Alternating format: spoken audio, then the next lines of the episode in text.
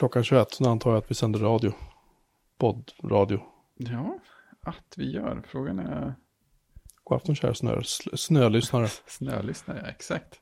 Haha, fick jag till det. Här är mer regn och islyssnare. Och så här. Alltså vi hade ju, vi hade ju något av en snöstorm igår, här Mm. då, där jag Mm. bor. I, och sen så igår, sent igår kväll, då började det ju regna istället då. Ja, just det. Och sen regnade det till typ 3-4 på morgonen. Sen började det snöa igen. Så i morse när jag skulle eh, köra iväg min son till skolan och min fru skulle köra iväg vår andra son till sin skola. Ja. Så var det så här, nu tar vi det väldigt långsamt och så tar vi det väldigt försiktigt. Vi körde varsitt håll då. Men, men eh, för mig tog det nästan en och en halv timme eh, att komma dit. Det brukar ta så här 35 minuter kanske. Ja. Eh, för det var inte plogat någonstans och det var så halt. Ja, Och sen, sen var jag hemma och ute på lunch, tänkte jag jag ska skotta lite då, var lite duktig. Och det var ju så här bara snöslask. Jag tänkte, Mm. nej, alltså jag pallar inte göra det här, så jag skottade lite grann. Och sen kom jag ut senare på eftermiddagen och ska hämta lite ved och så är det så här, ja, nu är det fyra minus ute. Nu har den där, allt det där vattnet blivit is istället. Nu har vi så här skridskobana på, Ja. på gårdsplan. Tjock skridskobana dessutom. Ja, det lär, det lär nog bli det. Mm. Och så ska det ju vara kallt nu i flera dagar, så att det här, det här är ju succé. Ja. Nej, här, här började det regna ganska omgående så att eh, här var det mer slask, men det är fortfarande en del is kvar. Det frös ju här, här också nu, så att vi hade en sån här, vi åkte och handlade förut och då tog, använde vi bilen för första gången på ja, men ett par dagar i alla fall. Den har inte varit, varit rörd sedan det började snöa. så att den hade ju en sån här schysst tunn isskorpa över hela sig. Det kändes som man hade sönder något när man ryckte upp dörren för att liksom knakade och krackelerade överallt. Ja, det är lite spännande när man, eh, när jag skulle köra iväg i morse. Mm. Och så skulle jag, så körde ju jätteförsiktigt ner mot landsvägen då, där vi bor. Så skulle jag bromsa, så var det så här, fan det händer ju ingenting. Oh. Trampar svinhårt på pedalen. Sen, sen plötsligt nöp det var precis som att det låg som en ishinna eller någonting på bromsskivorna. För att det hände ingenting i början när man klämde. Eller när man trampade på pedalen. Det var skitläskigt. Det, ja, usch. Den, är inte, den är inte bra. Och sen också när det har varit så här riktigt kallt och typ stötdämparna i princip har frusit. Så att, så att det är bilen helt stum i början när man kör så Mm. det är ganska, det är spännande. Men då är det kallt. Då är det kallt. Det ser ut som jag har Christian här. Har vi Christian här? Jag är här ja. Ja! Ja, det är han ju. Woho! Hallå! Som gubben i lådan. Jönköping Calling. Ja du. Med en icke-glappande sladd. Här om vi har tur. Det, det, det har vi inte, det vet man Jag har en, eh, en Ikea-sladd. En Ikea-sladd. En Ikea-sladd, micro-USB till USB-A. Vad är det de kallar den? Wow. Vad de kallar den? Ja, Eh, Lillhult kanske? ja just det. Ja, Lillhult. Heter det så? Ja, Heter det på riktigt? Lillhult heter de ja. Deras Det är, kablar. Fan, det är Kan du välja olika, olika anslutningar. De heter Lillhult. Mm. Finns nu även, finns nu även i grått. Oj, Trendigt. Snyggt. sjukt snyggt. Kanske. Sjukt. Jag, har, hmm. jag vet inte om jag har någonstans jag behöver en grå kabel. Men jag kanske måste se den grå nyansen för att inse storheten. Eh, Jag har en kontrollfråga på det. eh, Till dig, Fredrik. Det finns inga skidbackar i Göteborg, va? Det finns ju några, men det är sällan det är snö i dem. Ja, men är det liksom, är det, vi pratar inte berg nu. Eller hur? Finns det inga berg i Göteborg? Nej, det, det finns ju inte att tala om. Det närmaste, om, om man nu ska åka skidor med någon slags chans till snö så finns det ju, är det väl någon slags värdighet. Värdighet vet jag inte, jag har aldrig varit där så jag ska inte säga säkert. Men det finns ju någon slags skidanläggning i Ulricehamn. Det är det närmaste. Ja, om man inte... det, det, är inte det mellan eh, Jönköping och Borås typ? Mm, stämmer. Jo. Och sen så... det sjuka är att om man, om man går runt i Bidelsjöområdet som är ett av de... Ja, det är väl den förlängningen av det går ända hit bort. Så att ett av de närmare naturområdena här. Om man går runt där så kan man komma förbi en backhoppningsbacke. Det känns väldigt konstigt. den, är, den är gammal och byggd i trä och jag har aldrig någonsin gått förbi den när det har varit snö. Så det känns så här konstigt på alla håll. Men Vi finns. kan, vi kan med andra ord sluta oss till att det finns egentligen inga skidbackar i själva Göteborg som är värda att talas om. Liksom. Nej. Nej. Nej. Men man kan se, man kan se en om man åker åt eh, Kungälvshållet. Jag kommer inte ihåg om det är strax före eller strax efter. Någonstans där så kan man titta åt höger om man åker norrut och se en skidbacke som går ner mot vägen och som till och med har snökanoner och grejer. Men jag har aldrig, Wow. jag har aldrig heller sett den öppen. Jag vet inte om den räknas heller. Jag vill minnas att man kör söderut på Essingeleden här i Stockholm. Och så Mm. passerar man Liljeholmen. Mm. På vänster sida, så där uppe på, uppe på, det är som ett litet berg sådär. Mm. Det är ganska högt, inte högt, men det är ganska högt. Där uppe är det en jättestor konstig betongkonstruktion. Som alla trodde var sådana militärt hemligt hemligt. För det är murar och grejer runt om. Och så det visar sig att det är någon sorts vattenanläggning. Typ så här. Besvikelsen. lyckas jag ta reda på. Eh, men hur som helst, där precis till vänster om Essingeleden när man kör söderut, där var det en skidbacke en gång i tiden. Och den slutar ju väldigt tvärt för att precis nere där skidbacken slutade, där är ju vatten. Men det var liksom liftar och snökanoner och skit där. Fram tills, jag tror de stängde den kanske för tio år sedan, jag minns inte. Men det var helt, jag kommer ihåg när, man, när jag var yngre och körde förbi, det var helt bisarrt när så människor åkte skidor precis bredvid en motorväg liksom. Ja, det känns ju inte som stället man... Det är väldigt Stockholm på något vis. ja, eller, eller hur? Borde åka parallellt med motorvägen så man kunde Ja, jag tycker gå det upp i hastighet Jag som bilen. Det var isigt i Jönköping idag alltså. Eh, ja, Jönköping är ju lite ett, eh, ett litet hål, en liten, Mm. liten gryta. Ja. På ena sidan är ju Huskvarnaberget och på andra sidan är, är andra kullar. Mm. Eh, och där är det ju är det ju snö. Jag har kompisar som bor på Huskvarnaberget. De har ju åkt, eh, de åkte ju snowracer på gatorna i, eh, i förra veckan. Medan Oh. vi hade Medan vi hade regn. Så det är skillnad. Men eh, det var snö förra veckan lite. Och idag s- smälte det bort.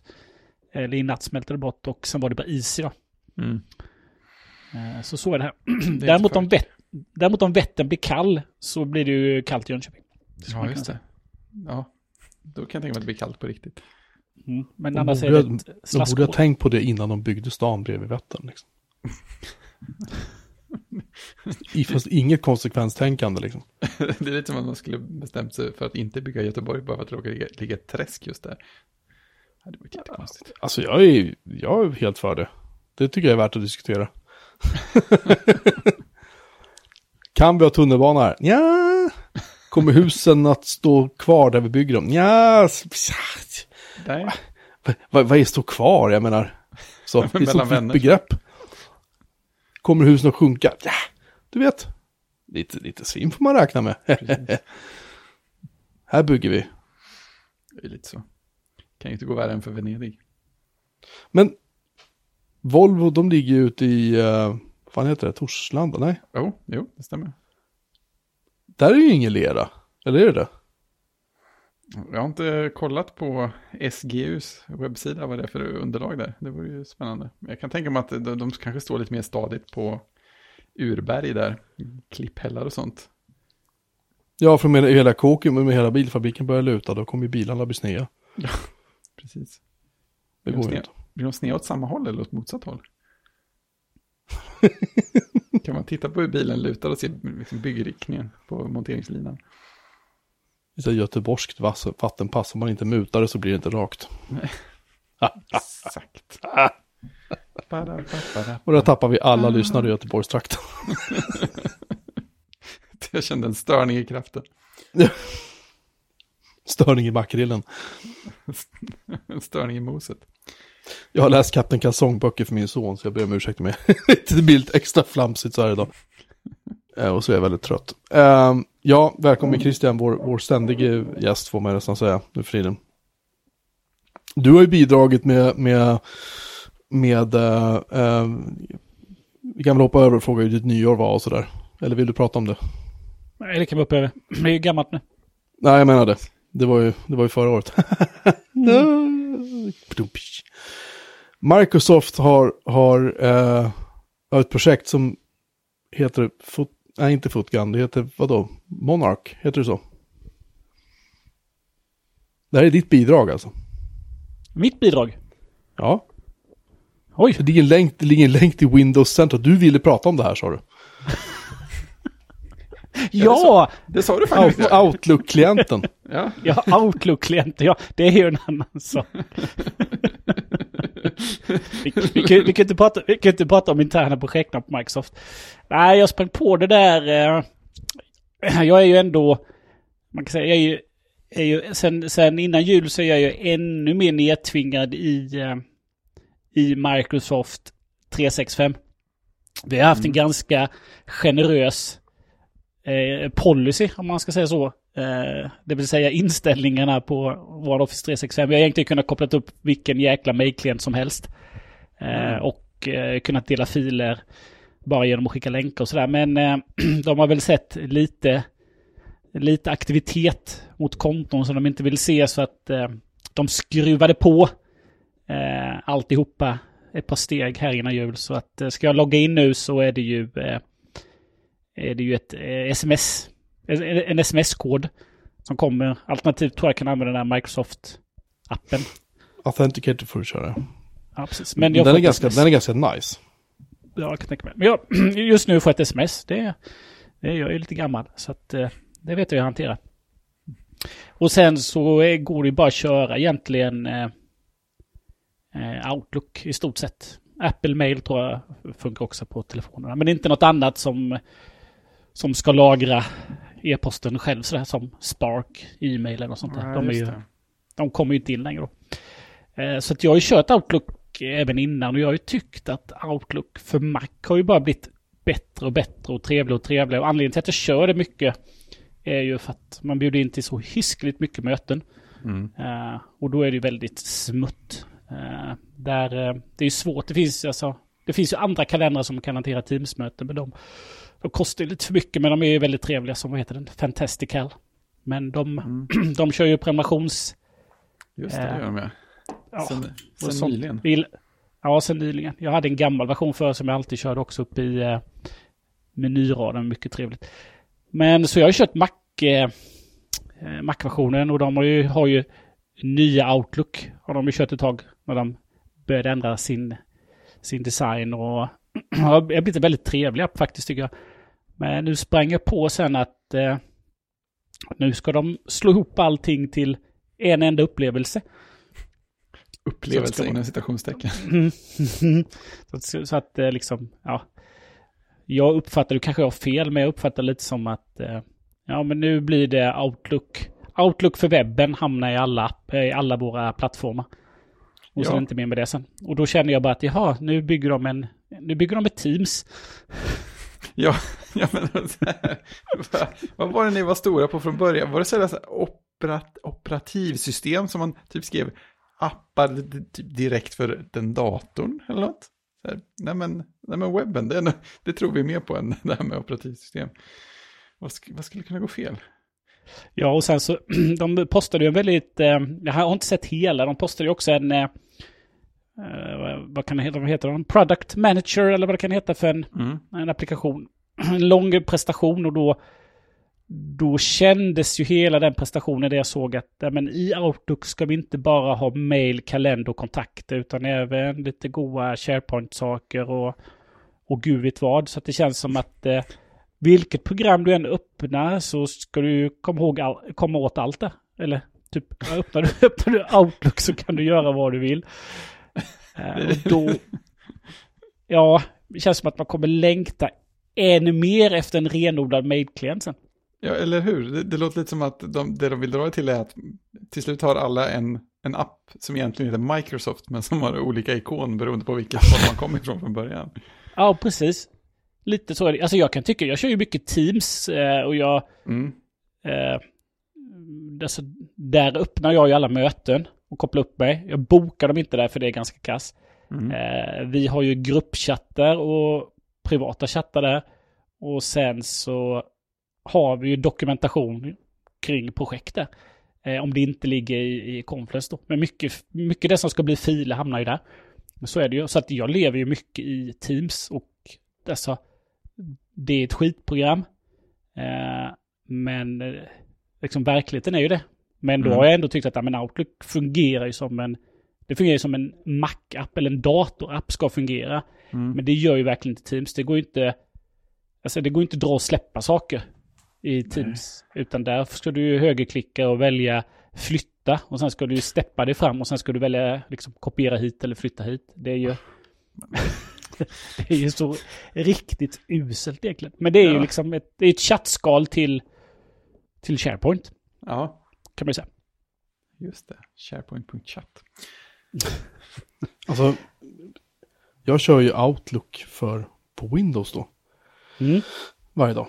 När jag sitter på min jobbdator. Och jag kan säga att Outlook har ju en gång i tiden varit på något sätt liksom, här är mallen för mejlklienter. Alltså det, den har varit, den har Ja, varit men- bra. Ja, precis. sådär. Men nu är den så tungrodd och den är så rörig. Precis som alla andra Microsoft-produkter känns som så blir den bara mer, det blir bara mer och mer och mer och mer funktioner överallt. Sen flyttar de om grejer och Just det. man blir ju helt knäpp liksom. Mm. Så det jag insåg ehm, är väl att hade jag kunnat köra någonting annat. Jag hade hellre, alltså hellre kört, suttit med webbläsare och kört mot mail och sånt eh, på jobbet än att använda Outlook. Mm. För det är banne med både snabbare och smidigare. Ja, det är ju störigt läge alltså. Så här, nej. Nej, ja, i och för sig, de har ju lyckats hålla Visual Studio Code ganska snabbt och smidigt så, men det betyder inte att man ska göra allt annat så. Alls. jag, jag är emot. Jag vill ha native-appar. Ja, precis. Men hur ser det ut på, du som är i Jocke, den här, eh, jag har inte varit där på evigheter eh, och jag vet inte, hur jag vet ens inte hur mina, jag vet ingen aning om hur mina kollegor läser mail. Men eh, jag har ju en kollega, han kör ju någon Windows 10-mail tror jag, som är en mail-klient. Men om man ska köra Outlook i Windows 10, kör man då, finns det en Outlook där eller är det att man måste köra den här Legacy Windows 32 Outlook som finns? Eller vad, vad finns det? Nej, alltså i Windows 10 så där installerar du ju typ Office 2016 eller vad du vill ha. Där ingår ju Outlook liksom. Som Mm. vanligt.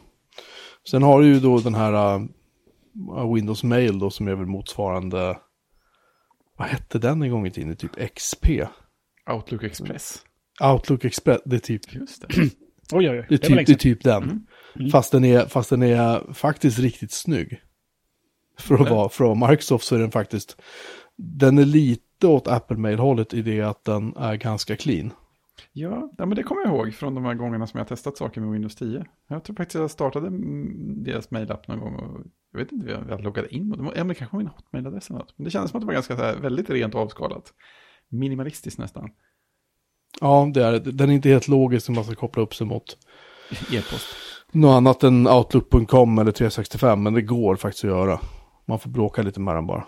Um, för det är så här, ja men fyll i din mailadress och klicka nästa. Ja, nej men vi har inte så här autoresolve på din, den domänen. Nej okej, men uh, fyll i ditt lösenord, klicka nästa. Nej okej, det hittar inte heller. Nej men, uh, hmm, vad gör vi då? Okej, men och sen så finns det typ en liten grå text som är typ så här manuell installation typ. Och så går man in där och så säger man, vad är det för servernamn då? Ja, det här är servernamnet. Okej, klicka nästa. Aha, men uh, okej, vad har du för ditt namn, loginnamn och, eller förlåt, användarnamn och displaynamn och vet, då blir det komplicerat på en gång. Då kan Ja. du liksom inte bara ha så här, vad är din mailadress liksom. Nej, förstår. men den kan prata mot Exchange-servrar och 365 och allt möjligt. Så att den är inte helt oäven så. Det är den inte. Uppföljning i, i chattrummet från en, en butter Johan Thelin. Som för en kvart sedan skrev att det faktiskt är Alebacken som jag pratade om som man kan åka skidor i. Och titta där, det finns faktiskt en skidbacke. Ja. Alltså det, det var inte mycket till backe att tala om, men det var ändå en backe. Precis. Tre backar finns det till och med. Så där. Okej då, Johan, jag tar tillbaka. Eh, Och någon förrymd Firefox-maskot ser jag på bilden här. ja, det ser, ja, det ser ut som en Firefox. Det är i och för sig inte fel. Alltså de här backarna vi pratar om i Göteborg, alltså, det är något man går upp för då? Det Alltså- finns liftar där faktiskt. Ja, Okej. Ja, men det gör det. Massor av dem. Alltså, vi, vi har inte så mycket höga berg, men vi har, vi, vi har en del branta backar skulle jag ändå säga. Så jag kan tänka mig att det kan, kan gå ganska fort ut för det, vad man ska säga, när, när det väl finns snö. Det var inte jättemycket snö sist jag åkte på Ida, kan jag inte säga. Alltså jag skulle vilja kalla det här för kullar snarare än Ja, ja, det backar. får vi säga. Ja, ja, titta, Göteborg, nu, har vi, nu, nu är det fel igen, ser du. nu har de ju glömt att muta webbmastern på göteborg.com. Eh, de har lagt in fel länk till alebacken.nu. Om man klickar på den så kommer man till en undersida, så då är det www.göteborg.com en alebacken slash www.alebacken.nu. Ja, men perfekt. Någon har glömt lägga in HTTP för i länken. Jag gör det åt dem. Så. Bara en av många tjänster som tillhandahåller. Om Alebacken. Den fyller faktiskt, den fyller 52 år i år. Oj, Den hette Himlabacken från början. Och en replift tog besökarna till toppen.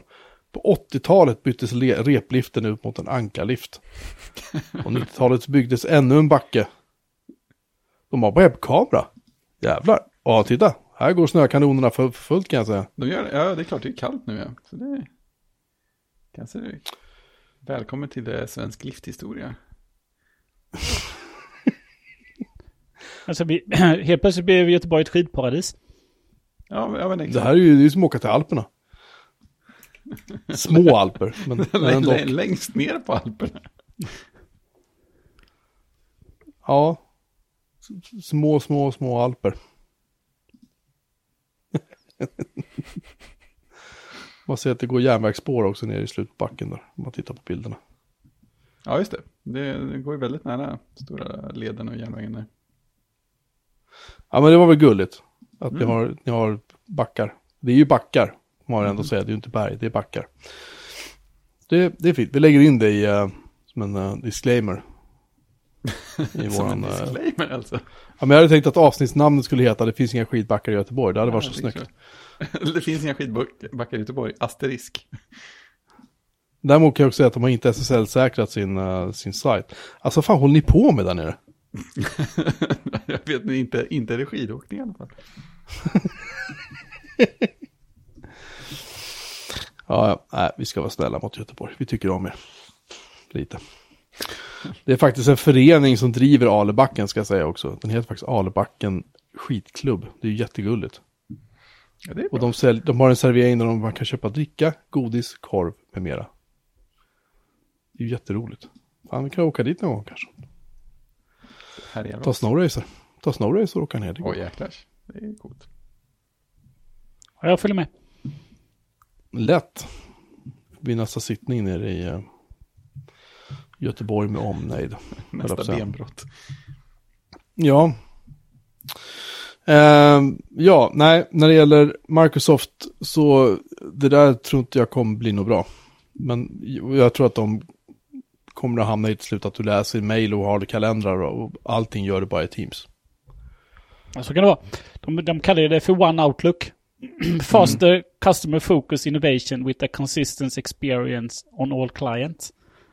Men det är så vi ska läsa mail och göra kalenderbokningar, vad fan är problemet liksom? ja, Ja, det står i den artikel på, vad är det vi tittar på, Windows Central där att eh, som vi förstår det så är, så är Microsofts mål att göra den nya klienten att den känns som en eh, native klient men har sitt eh, universella plattformstänk då baserat på Outlooks webbapp.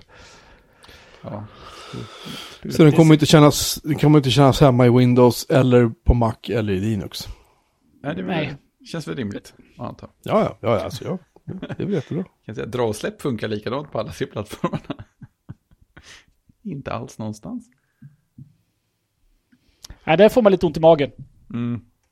Till och med Slack har ju lyckats lösa dra och släpp, åtminstone, åtminstone i stora delar nu för tiden. Det tog inte många år. Du är så optimistisk. Det är ditt, det är ditt kännetecken tycker jag. Ja, förlåt. Har vi sagt att vara optimistisk?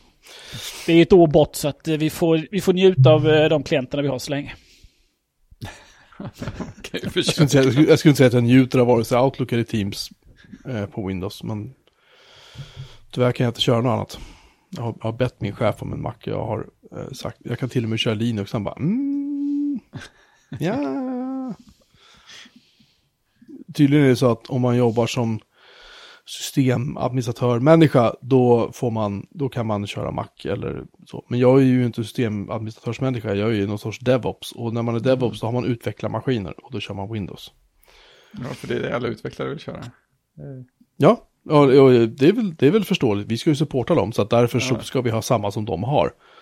Men jag tycker det är orättvist att vi ska hamna i kläm för att utvecklarna sitter och kör något junk. Men liksom. alltså, men alltså, kör utvecklarna Windows av eget val eller är det dikterat någonstans ifrån att det är det man utvecklar? Jag vet inte, Nej. hos oss, är, hos oss gör de det i alla fall. Jag tror att Ja. de flesta utvecklare kör det för att de är vana med det.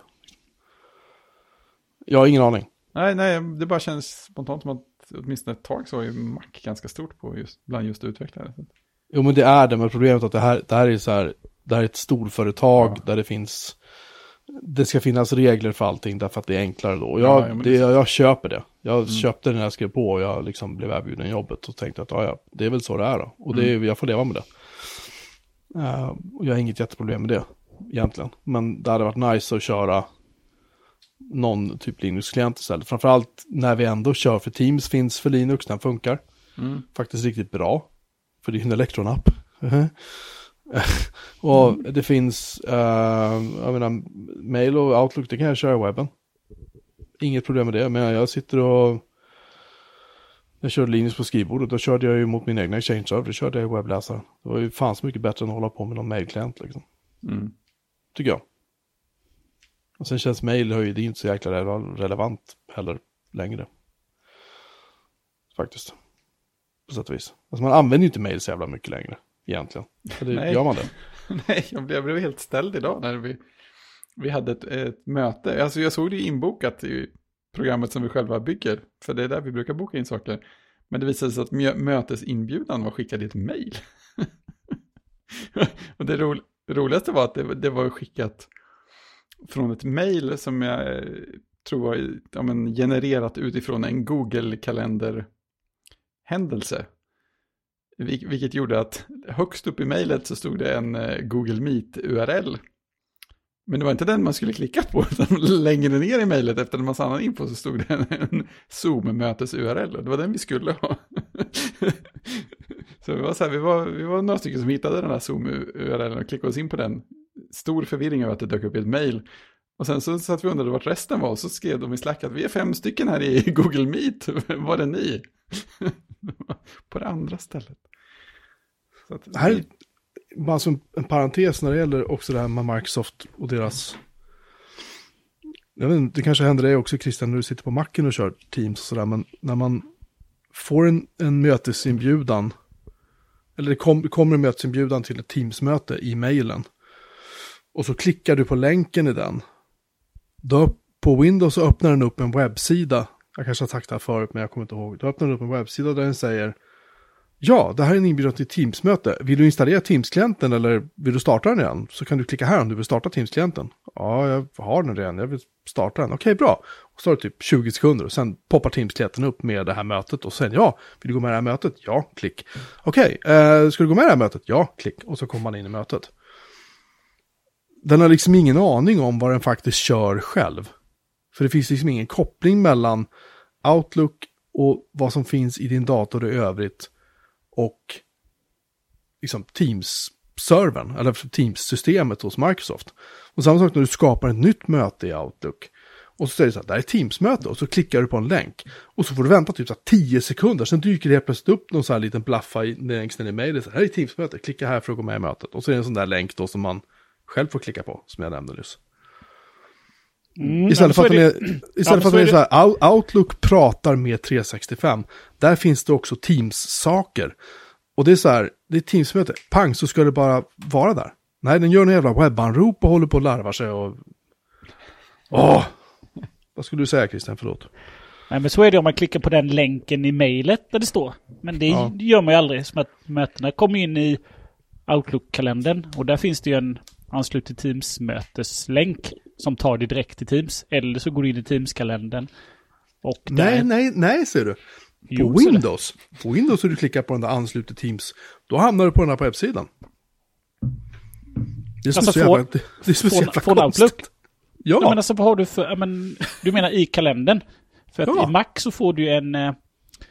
Mac när du trycker på, gå in i kalendern och trycker upp själva mötet så mm. står det ju att ja, men här, här, här, är det möte och sen står det när och så står det en, en fet blå länk anslut till Teams-möte. Och trycker jag på den så får jag direkt upp, om man säger den här anslutningsrutan där jag kan titta hur snygg jag är i kameran innan jag trycker anslut nu då. Men däremot ja. om jag trycker på webblänken som genererad i mejlet, den där klassiska som de har haft sedan lynk, lynktiden och Skype-tiden. Då kommer jag till en webbsida och så frågar den om jag vill starta. om jag, jag vill starta då. Så är det ju. Men eh, det är ju integrerat i Outlook och det kommer ju även upp om jag om det är en påminnelse lagt så kommer det upp en sån här liten klassisk Outlook-påminnelse. Inte i Apples notiser utan de har ju en eget notiscenter. Och så kan jag trycka anslut online och så startar den ju direkt. Så att den där webblänken i mejlet klickar man ju sällan på. Eller i mötesinbjudan där det står en länk. Utan man klickar ju på den fasta länken som finns i Outlook-programmet. För den, den mötesinbjudan, länken i Outlook för Windows, ser ju likadan ut som den gör, tror jag i alla fall. Jag orkar inte gå bort, den är två meter bort så jag orkar inte gå bort och titta nu. Men jag, jag kan ha fel, men som jag minns så är det bara på ett jävla bök liksom. Och också en sån här grej att man får en, du får en påminnelse i Outlook om att mötet kommer. Samtidigt som det kommer en notifiering i Windows notiscenter som säger att eh, nu har de gått med i mötet. Och det, det, alltså, vad jag menar bara är att det känns inte som att de här grejerna hänger ihop. Det är egentligen det jag försöker säga. Det känns som att det är fortfarande, som du säger, det är lite lynk och det är lite Outlook med all sin legacy och liksom, det, det är jävligt rörigt bara. Tycker jag. Jag saknar ja, den här helheten liksom. Ja, men det är ju... Eh, Outlook påminner ju om när mötet börjar och egentligen när du får en inbjudan så är det den som bjuder in som bestämmer om det ska vara en kvart innan eller fem minuter innan eller vad det nu Jo, jo, jo, det vet sen, jag. Vad, vad, jag bara men, vad jag bara menar är så att jag skulle lika gärna kunna ha Teams-mötet i Outlook och så skulle jag kunna lika gärna ha mail och kalender i Teams. Ja, men så, det, och sen, det hade varit sen, snyggare, men det känns fortfarande som att det här är lite, det är lite, det är separata öar de är på och sen så har de kopplat ihop sig med lite så här kablar liksom det de behöver för att det ska typ lira lite grann. Men problemet är att om du har, sitter som jag gör, ibland på ett långsamt VPN. Jag sitter på en dator som visserligen är en Core i7 med 32 gig RAM, det senaste HP någonting, någonting liksom. Den ska vara apsnabb den här datorn och allting går som sirap i alla fall. Och när det går som sirap, det är ju då hela den här bilden tycker jag, hela den här upplevelsen som Microsoft pratar om att det ska vara enhetligt och jada jada. Det faller ju samman liksom. Som ett jävla korthus. Just för att då sitter du och väntar och så ser man nästan hur den går och pratar så här med servrar överallt. Så här, och så plötsligt så dyker någonting kanske upp liksom. Det är det, jag, det är det jag tycker är synd. Att det är sånt lappverk och så ska de väl då göra om Outlook då av någon anledning. Det är väl för att de vill få in Outlook på, på Linux gissar jag. Ja, jag skulle faktiskt om, tro det. Om det blir en webbapp så kommer det ju bli... Det blir, kommer inte att bli mindre sådana ställen där man känner att det skarvar. Nej, det är sant. Nej, mitt största bekymmer i Microsoft-världen är att jag har en kund som är kvar i eh, Skype for Business-världen. Fy fan rent ut sagt, ursäkta men åh gud jag lider med dig. För Skype for Business på Mac funkar ju, nej. jag, jag har haft några, ofta så, de vet ju om det där att det är lite jobbigt för dem så att eh, de brukar alltid be mig bjuda in till möten istället. Mm. På att då blir det Teams. Men jag har varit med i några sådana här möten där de, det är mycket internt folk och så är jag med.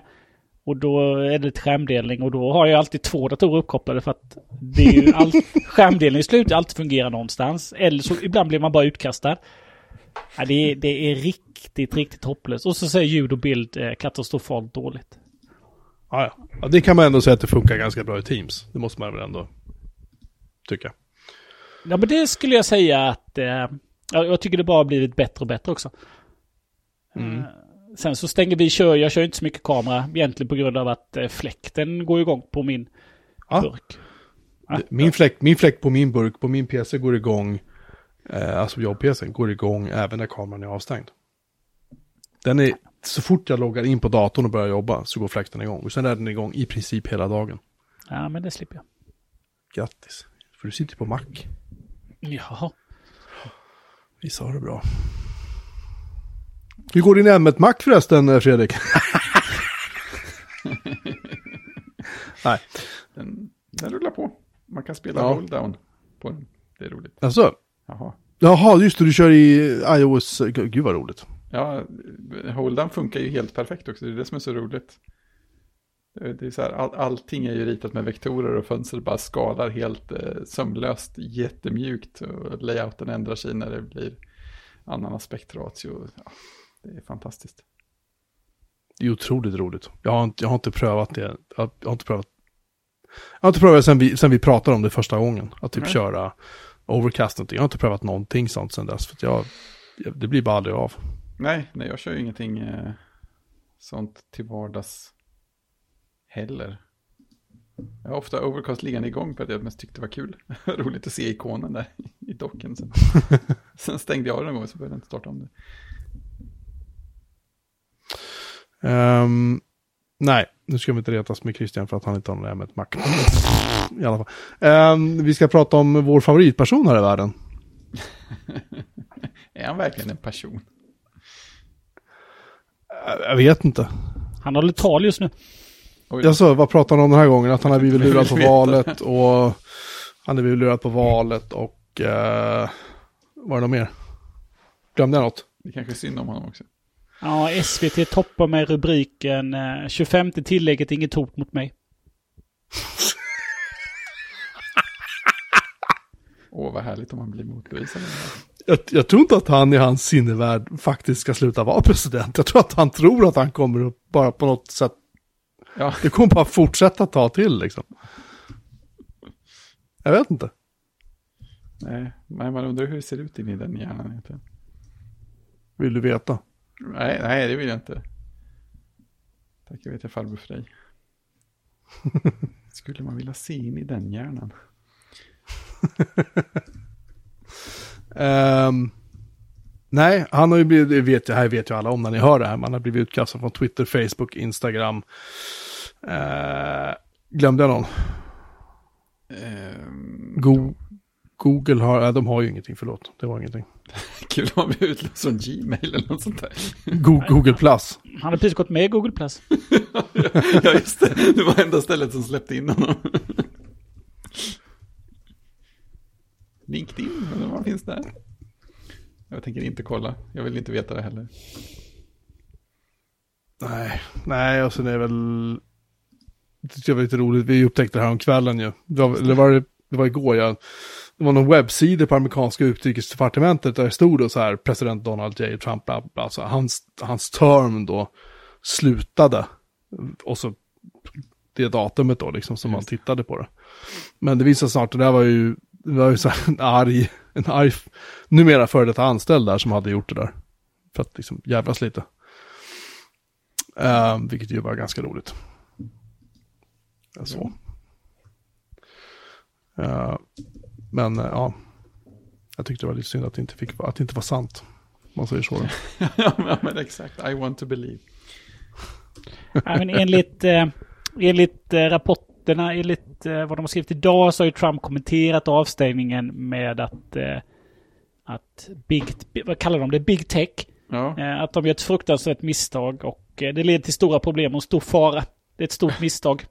De, eh, Big, Big Tech borde inte göra detta. vad oväntat att du skulle tycka så. Skulle inte, skulle, kommer ni ihåg när de skulle göra någon så här webbsajt för coronavirus, vad det nu var? Och det var Google som skulle bygga den så här på nolltid, sa ju Trump. Ja, just det där under dotterbolaget.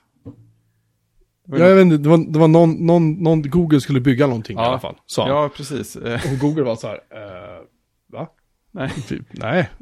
De sa det, det här är en beta, beta-grej för typ en kommun på ett ställe i Kalifornien eller någonting. Och den är inte sagd att göra det som han sa. lite, så, lite sådana grejer. Något tagna på sängen. Det är väl så att han sitter alltså till den 20 va? Ja, Mm. Så det betyder med andra ord att han, det här avsnittet har nog kommit ut innan han då ska vara borta från hela mankemanget. Ja. Rätt då? det stämmer. Alltså, jag blir ju inte ledsen om han råkar försvinna först. Men om eh, enligt den vanliga voodoo-ritualen så kommer det här avsnittet att komma före. Nej, jag har inget emot om han, om han bara skulle råka försvinna heller, faktiskt. någon, råkar, någon råkar slänga honom i soporna. Hoppsan.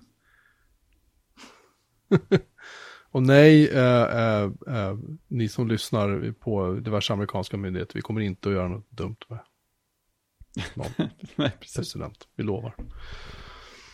Vi lovar. Här med vid sidan av detta så pågår det väl en liten, pågår väl en liten diskussion om, alltså det är oftast det ropas om yttrandefrihet då. Eh, och det, det. pågår såklart det pågår ju en diskussion om eh, alltså makten som de ändå har då, Twitter och Facebook framförallt då, eftersom att de har plattformarna, men även kanske då Apple och Google som de förhindrade ju appen, den andra appen, vad heter den? Parler. Ja, precis. Just det. Att de plockade ner den då, men eh, på grund av att eh, de på något sätt inte hade någon moderation överhuvudtaget. Då. Nej, precis. Eh, men, men, men där finns det väl eh, där finns det väl liksom två olika sorters läger. Det är de här som är som är att men det är farligt när vi låter privata företag som liksom i praktiken har en monopolställning diktera villkoren för vilka som får vara på plattformen.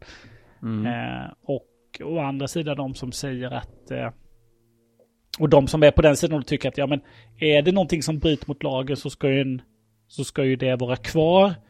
Eh, och det är inte budbärarna, alltså Twitter eller Facebook eller vad det nu är som driver plattform som ansvaret utan det har ju den som har skrivit det och så får en åklagare driva ett fall och så får det bli en, en domstol som dömer då. Ja, det. Men det där är ju, blir ju väldigt teoretiskt eftersom att det går ju inte att ha det i verkligheten. Så, lite jobbigt Ja, det blir ju väldigt, ja, man lyssnar på det, ja men det låter ju, alltså det låter ju sunt men det blir väldigt, det blir väldigt teoretiskt. ja, men precis. Så är det. Eh, Men det största, det, det, alltså det tråkigaste med att, eh, att hela hans konto är borta är att ehm, det är ingen som lyfter fram gamla tweets. Just det. Det är lite tråkigt. Det fanns ju alltid en tweet för någonting. ja, framförallt Ja, någonting. Ja, precis. Det var, någon som, det var någon som skrev det att det hade haft sönder en väldigt stor del av alla länkar på internet. Att hans Twitterkonto försvann. Många, ny, många nyhetsartiklar som har bäddat in tweets också. Ja, just det. Ja, precis. Då är, då är de ju borta. Ja, Men det, fin det finns ju ett eh, arkiv med alla hans tweets. De är arkiverade. Ja jag kan tänka mig det. Uh, I och med att han också har använt sitt egna Twitterkonto och inte presidentens Twitterkonto. För de, alla de tweetsen diarieförs ju Ja, just det. automatiskt av eh, Library of Congress eller vad det heter. Mm. det är därför han har hållit sig ifrån det. Men nu har han ju tvingats börja använda det också. För att han har ju liksom ingen annanstans att ta vägen. Då. Stackars liten.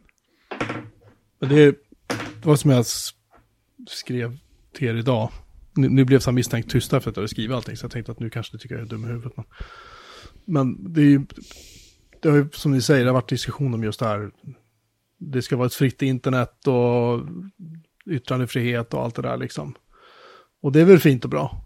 Men problemet är att det är inte ett fritt internet därför att det är någon annan som betalar för det. Det är, liksom, det är Twitter och Facebook och Apple och Google och de. De äger sina plattformar, distributionsmodeller, om de inte vill associe- associeras med någon person eller något företag eller vad det är, då står ju de liksom de fritt att ta bort dem, sluta Mm. jobba med de människorna. Eh, Trump har ju i Twitters fall har ju brutit mot reglerna, Ja, alltså fler gånger än en, fler gånger än tusen liksom. Mm. Och de har låtit honom hålla på. Eh, och till slut så känner de på något sätt att när de, när de inser att det här kommer att skada Twitter ekonomiskt på grund av att annonsörerna börjar dra sig undan. För att de kanske inte vill att deras annonser ska synas in till en Donald Trump-tweet där han säger åt att nu ska vi storma Ja, något eller slå ihjäl någon eller vad fan Mm. han nu kan slänga ur sig. Liksom.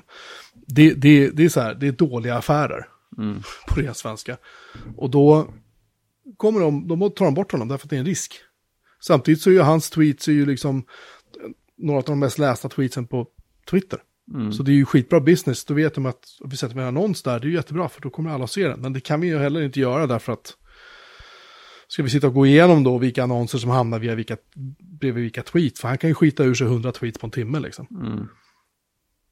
Så att det, det är affärsmässiga skäl. Apple och Google vill inte ha med de här Parler att göra därför att eh, vad de håller på med. Nu när man har sett faktiskt bildskärmdumpar från vad de har skrivit där i. Så är det konstigt att de har fått, fått hålla på så här länge. Ja, men faktiskt. Det är, ja, men... det är otrevliga, alltså det är så här, vi ska hänga dem och vi ska skjuta dem och liksom. Mm. Det är jävligt otrevliga grejer liksom.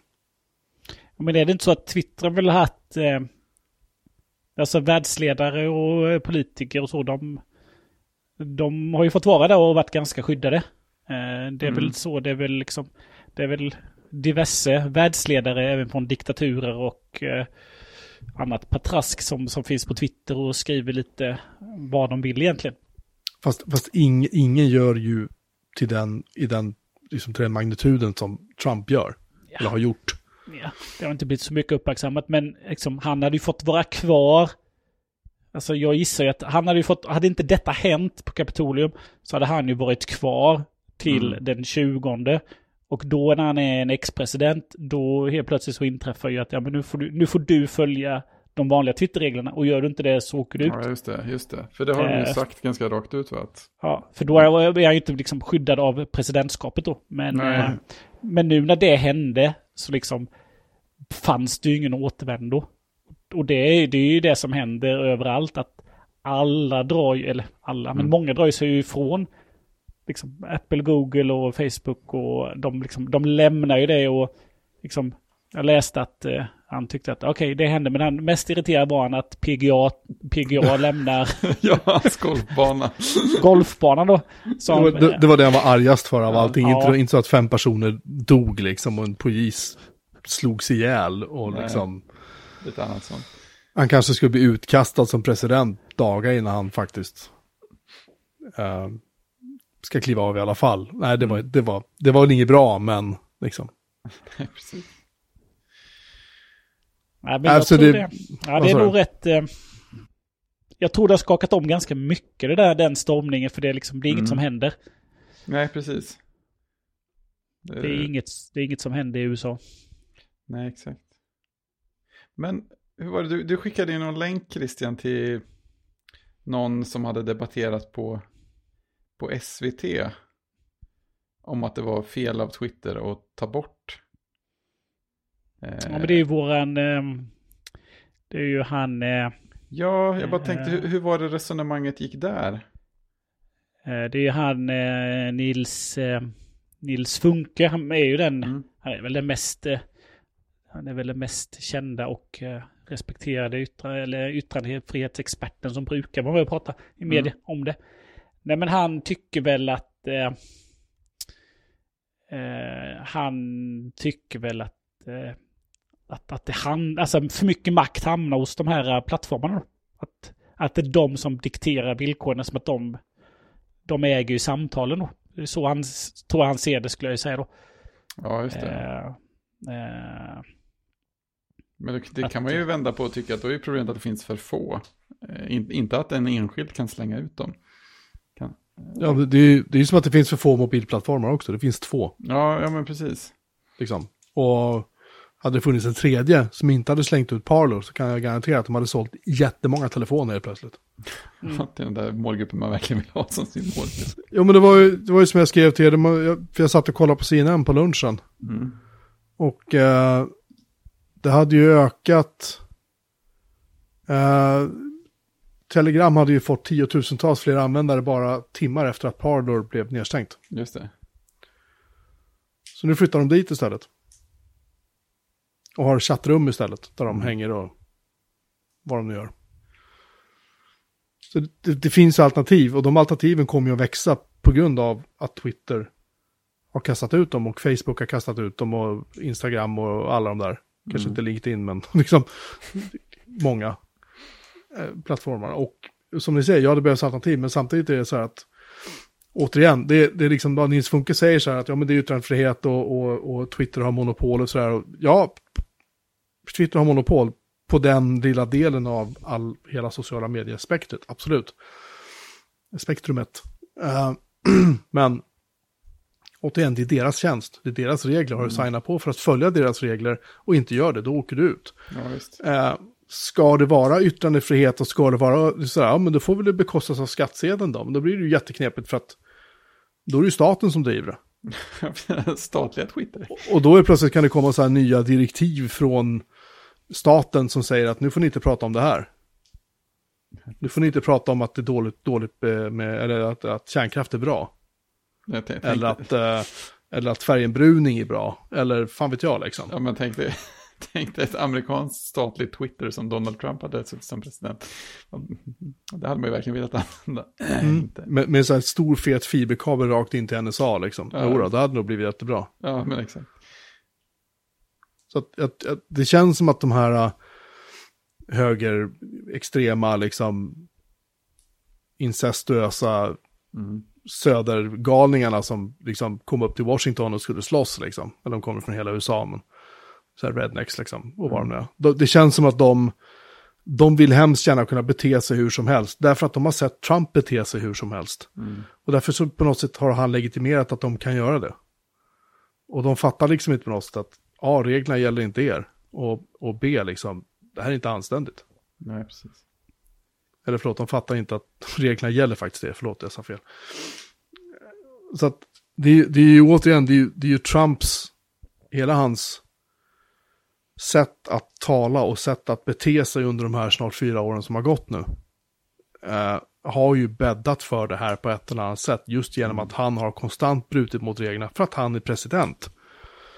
Och tycker om att vara president och tycker om att göra precis vad han vill. Då har han ju gjort det alla tider liksom. Han har ju aldrig varit intresserad av att följa lagar och regler. Så. För att det, det om det inte gynnar honom.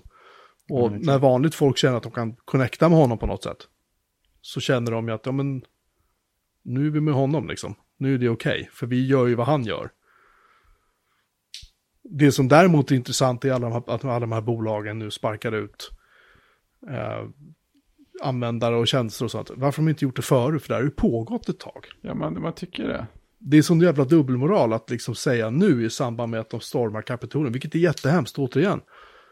Men det har ju hänt andra saker, det är ju bara att titta på eh, Black Lives Matters eh, ehm, demonstrationerna i Washington där det var liksom tårgas och det var liksom tusentals militärer på gatorna liksom. De skulle ju slå ner allt som rörde sig. Det var ju någon tjej som stannade vid ett rödljus och blev skjuten av polisen liksom. Ja, För att hon råkade vara svart. Då var det ingen som rörde ett finger. Så att det är ju, det är ju en otrolig dubbelmoral. På så många sätt. Jo, så är det. Men det, det här visar ju också bara hur, alltså det är ju, alltså, det är ju jättesvåra frågor och eh, liksom vår lagstiftning och, och liksom vårt tankesätt eh, med yttrandefrihet och liksom eh, medier och hur, hur det har varit innan. Det är liksom, det är ju inte riktigt anpassat för den eh, internetverklighet vi lever i. nej, nej så, men det är ju så, det. Så är det ju och eh, det är som du säger, internet, man pratar om ett fritt internet och att ja, men jag kan skapa min webbsida och eh, säga vad jag vill då, men den, den ligger också på ett hostingbolag. Ja, visst. Och eh, men då får jag hosta den själv. Men där har jag ju en fiberleverantör som i sin tur kan tycka att men då får du ingen fiber av oss. Och eh, så, att, så är det ju. Det är ju det är ju alltid någon som äger någon del, någon tjänst. Ja, ja men precis. Det... Vad, vad, vad, det- Finns det inte något sånt där roligt uttryck? Jag vet inte, kom det första när internet blev stort först? Eller, det fanns säkert ännu tidigare det här eh, uttrycket att det tar 20 år innan eh, ny teknologi eller nytt, eh, ja, vad det nu må vara, har eh, liksom, hittat sin, sin plats i samhället eller tills människor har lärt sig hantera det. Och eh, jag vet inte hur gamla... bekant. Ja, jag vet inte hur gamla man räknar att sociala medier på det här Facebook-Twitter-aktiga sättet är, men eh, det känns som att vi har nog inte landat i de där 20 åren som gör att vi har hittat platsen för dem än. Så att vi kommer väl oundvikligen inte att hänga med i svängarna ett tag till antar jag. Nej, det skulle jag nog mycket väl kunna tänka mig.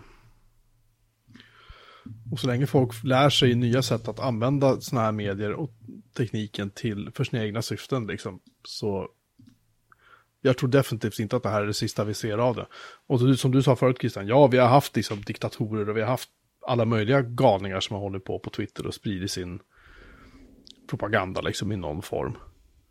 Eh, men jag tror att Trump har dragit, han drog det så långt.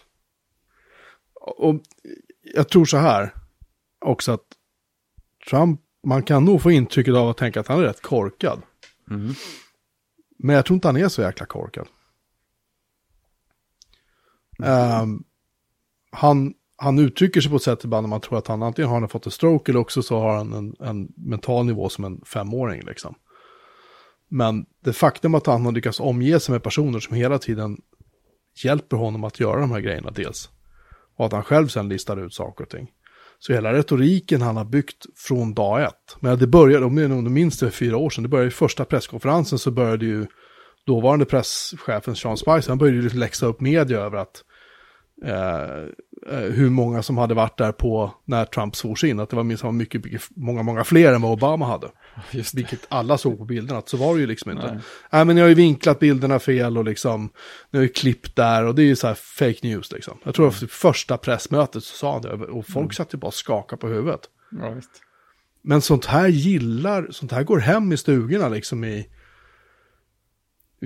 just liksom, ute på landet i USA.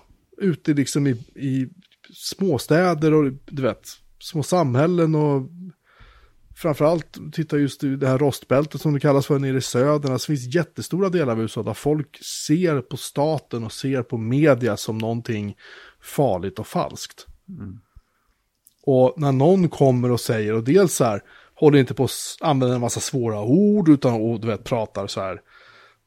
Men jag tycker Obama är en av de bästa talare jag någonsin har sett och hört. Han, han kan hålla tal om, om fan vet jag, vatten liksom. Jag skulle lyssna på honom två timmar. För han, han har ju sätt att uttrycka sig som är otroligt skönt liksom, tycker jag.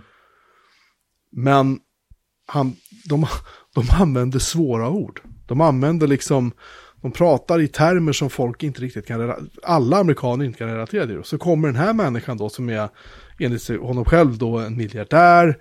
Eh, och han har ju lyckats då, låt gå att han har gått konkurs ett antal gånger eh, och så vidare.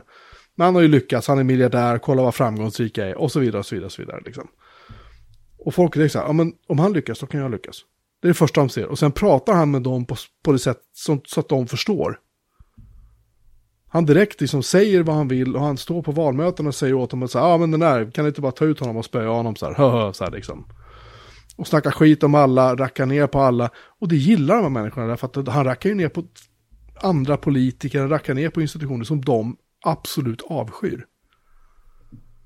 Och Det, det är därför det här har gått hem. Det är därför han har kunnat hålla på så länge som han har gjort också. Eh, hade, hade alla amerikaner tyckt att han var helt galen, då hade, då hade det här tagit slut för länge sedan. Och det är sant. I någon form. Men det har det inte gjort. Ja, men sen är det, alltså jag kan alldeles, alldeles för lite om eh, amerikansk politik, men eh, alltså, det är också så att eh, är man republikan eller demokrat så vill man ju ha en, en liksom, man vill ha en republikansk president. Sen så kan man tycka att ja men han, det, det är inte den presidenten jag vill ha, men han är ju republikan. Så då kör vi. Ja, Så jag tror att det, alltså, Precis. Man tittar, när man tittar då på att ja, men han har fått eh, 70 miljoner röster. Ja, men sen, sen av de 70 miljoner, hur många liksom tycker att eh, liksom, det som det eskalerar till är okej? Utan Mm. det är nog mer att ja, men, ja, men vi är ju republikaner och då röstar man ju på den republikanska presidentkandidaten. Ja. End of story.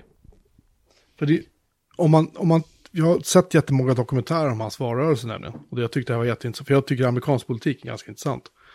Och det man såg i valrörelsen var ju dels att han såg till att han liksom rörde sig med, du vet, kristna evangelister och liksom, du vet, den delen av USA, då fick de sitt och så pratade han mycket om liksom republikanska värden. Eh, du vet, eh, abortförbud och det skulle in med republikanska domare i, i högsta domstol och så vidare. Och så vidare. Han, han pratade väldigt mycket så här republikanskt språk. Men sen när han stod på sina valmöten, det var ju där han sa grej. Alltså, för om man tittar på hur Trump har uttryckt sig under de här fyra åren så har det dels varit så här ganska städade eh, uttalanden, han har stått och pratat vid, vid en mikrofon eller också har det kommit något skriftligt liksom. Så har varit så här hyfsat städat liksom. Och sen har du Trump när han inte har någon manus. Då pratar, han, då pratar han till sin bas och hans bas är inte det republikanska partiet. Hans bas är de här människorna, vad, vad, vad de kallar för den tysta, tysta majoriteten. Det, det är de människorna som inte hade röstat annars. Det var de han fick, det var därför han vann valet förra gången. Uh, och det var därför han förlorar val nu, därför att de som nu har dragit sig ifrån honom är inte den så kallade tysta majoriteten. Uh, utan det är republikanska väljare som säger att nu får det vara nog. Liksom. Det var de han, han tappade så pass många till Biden. Mm. Och sen också har ju många av dem, uh, många av de ställen i USA där det tidigare har varit traditionellt väldigt starkt republikanskt stöd har förändrats därför att folk, det har flyttat in flera demokratiska väljare liksom. I många av de här städerna där det tidigare har varit så här, ja men här är vi röstat republikanskt för fanns en inbördeskriget liksom. Och nu förändras det. Och där har inte republikanerna hängt med och där har inte Trump hängt med. Liksom. Um, så att det här är ett jättekomplext stort ämne, men jag bara, bara försöker förklara att, att han, eller som jag ser det, förlåt, jag ska inte säga att jag förklarar, men som jag ser det så är det att han har lyckats med det därför att han har pratat, han, man kan säga att han har pratat med kluven tunga lite grann. Han har pratat med olika delar av sin väljarbas på olika sätt. Medan om man tittar på... Titt, ja, men ja, precis. Men att tittar man på hur Biden har gjort det så har han haft ett budskap till alla. Ja, just det. Att han, att, och ärligt talat, att Biden vann nu är inte nödvändigtvis att Biden är bättre. Det han vann därför att folk är trötta på Trump. Och därför, mm. tror jag. Ja, men, men Biden, Biden var väl Alltså när han, när han röstades fram så tror jag väl att Demokraterna tänkte att ja, men, det här, han, även om han är gammal och uh, på ett sätt passé så är väl han den bästa chansen att uh, liksom, uh, liksom kunna vinna mot Trump. Mm. Och så han har ju bara kört ett, liksom, ja men vi måste enas. Det är det han har, det är det han har sagt. Ja. Så att han har ju bara varit en, en, en motkraft. Och jag vet inte hur det var heller. Så tittar man i valet tillbaka mot Hillary Clinton så, så var ju inte hon en särskilt omtyckt kandidat. Nej, det var hon definitivt inte. Så att liksom, hade det varit en annan kandidat så kanske det utgången hade blivit någonting annat också. Eh, kan, kan man ju tänka sig då. Eh, hon var ju inte alls någon populär kandidat. hon, var, hon var populär i storstadsregionerna, typ i Washington, New York, alltså där, där det bor många liberala väljare, där går hon hem liksom. Men så fort du, så fort du kommer utanför storstäderna så är hon rökt. Därför att hon, hon har varit i politiken så otroligt länge. Alltså, du får tänka att när satt Clinton, det var väl på 80-talet va? 90-talet, jag kommer inte ens ihåg. Ja. Det är snart 30 år sedan. Det är sjukt. Och hon har varit med sen dess, att hon har varit med eh, från det att de som nu har blivit väljare och de som har varit väljare sedan hon eh, var presidentfru. Alla de här har ju följt med, alltså hon, hon har ju funnits där hela tiden. Och det har alltid funnits rykten om paret Clinton i någon form egentligen. Alltså det, det, det är så här, det är så här familj som amerikaner ofta, de älskar och hatar dem liksom. Uh, tyvärr. För att jag tycker att de, även om Bill Clinton gjorde mycket konstiga, dumma saker, så var han också en jävligt bra president liksom. Faktiskt. Men nej, jag, sen, jag sagt, jag, jag, jag, tror också att Trump, att han vann för fyra år sedan, som du säger Christian, dels var eh, Clinton en dålig kandidat, så tillvida att jag tror de underskattar hur pass mycket folk faktiskt tyckte illa om henne. Men sen också, så, återigen, han talade med bönder på bönders vis. Det var mycket därför han vann, att folk var trötta på det här, liksom, samma sak som de hade sett, så här, Unite, New America, va? Så stora visionära liksom, uttryck. Trump var så här, vi ska bygga, vi ska bygga en mur. Så. Ja, det var det han sa, vi ska ja, bygga en mur. Han sa det ganska Och vi ska, vi ska stoppa mexikaner för de våldtar folk. Och vi ska göra det här för de gör det och liksom, de är knarklangare och hej och hå liksom så här. Och det finns en, det finns en stor ingrodd liksom rasism i USA. Mm. Så man, alltså... Det, det, det hände ju hela tiden. Jag var, när jag fortfarande Reddit-konto såg jag, det var ju folk som postade uh, i den här Reddit-subredditen Fuck You Karen, som, som är så underbar. Där var, det, där var det någon kvinna som ställde sig och skrek på en man uh, att han skulle åka hem då till Mexiko liksom. Och han sa ingenting först. Det var, det var så roligt, han sa ingenting, han var helt tyst. Och så här bara, så här, du vill här, så här, bara skäl och har du gjort inbrott i min bil än? Nu ska jag ringa polisen och bla bla bla bla bla så här liksom. Och sen är det så skriker och han säger ingenting och sen är det plötsligt så typ i en annan bil som då kliver ut tre män och kommer bort. Då är det civilpoliser och, han- och de är så här, du, alltså, han är polis. och han är lika amerikan som du är. nu följer du med oss liksom. ja, men, det här är hela tiden, det räcker med att du ser lite annorlunda ut. Mm. I vissa delar av USA, jag ska inte säga att det är överallt, men alltså USA är ett sånt gigantiskt land, det är så diversifierat på så jävla många sätt. Det går för oss svenskar, det går inte att greppa liksom. Jag kan inte greppa det. Nej, det är, för, det är för stort. Det finns för många skarvar Ja, som man inte ser utifrån om inte någon berättar om dem. Antar jag. Nej precis, men det är också det, du kan åka från en stad och så åker du tio minuter till nästa stad. Där tycker de någonting helt annat. Mm. Det är så Men- otroligt regionalt liksom. Ja, men det är ju, det är ju, det är ju självständiga stater som, som har en federation. Det är ju något annat Mm. än vad vi har här. Ja, men visst. Och det är ju, det är ju, jag menar, det närmsta vi kan komma i jämförelse är ju EU. Liksom Ja, det är det närmsta vi kan ha och liksom förklara. Så att, såklart, USA är ju svårt att förstå och greppa hela USA och hur tankesättet är etc. etc. Så Mm. är det ju. Och framförallt då när liksom, det är liksom, ekonomin har ju gått bra och eh, han har ju pratat eh, liksom nationalistiskt att men, vi ska ta hem eh, produktion, vi ska liksom fortsätta med det som vi tjänar pengar på, det vill sä- säga oljeutvinning och vi ska inte göra en omställning utan vi fortsätter med det som vi tjänar pengar på. Och där ni har jobb, Just det. alltså det är ju så, eh, liksom, när bilindustrin kollapsar och när det blir omställningar då, alltså det, alltså det är omvälvande när sånt händer, när jobb försvinner. Mm. Eh, och det måste komma nya jobb. Och då är det lätt att, eh, då är det antagligen lätt att vinna röster på att men, vi behåller det som det är. Ja, men precis. Vi ska inte ändra på någonting, även om det redan har ändrat på sig. Så är det. Ha, ska vi ta nästa ämne? Trump, Trump säger nu att eh, muren mot Mexiko, den är klar. Ja, just det. Vilket den ju inte är. Den hade varit otroligt Och så, också. och så tillägger han, det kan vara en utbyggnad på väg.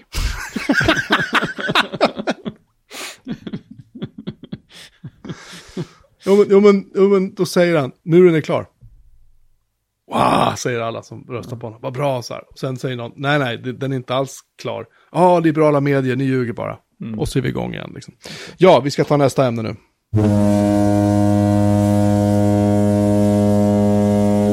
Vi har sett Tenet.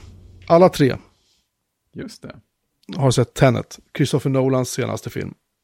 Jag vet inte hur jag är mer, men jag närmar mig deras, hans lite grann filmer som jag närmade mig Kubricks filmer. Jag, jag kunde inte bara sätta mig ner och slänga på Full Metal Jacket liksom. Det går inte. Jag vet inte varför.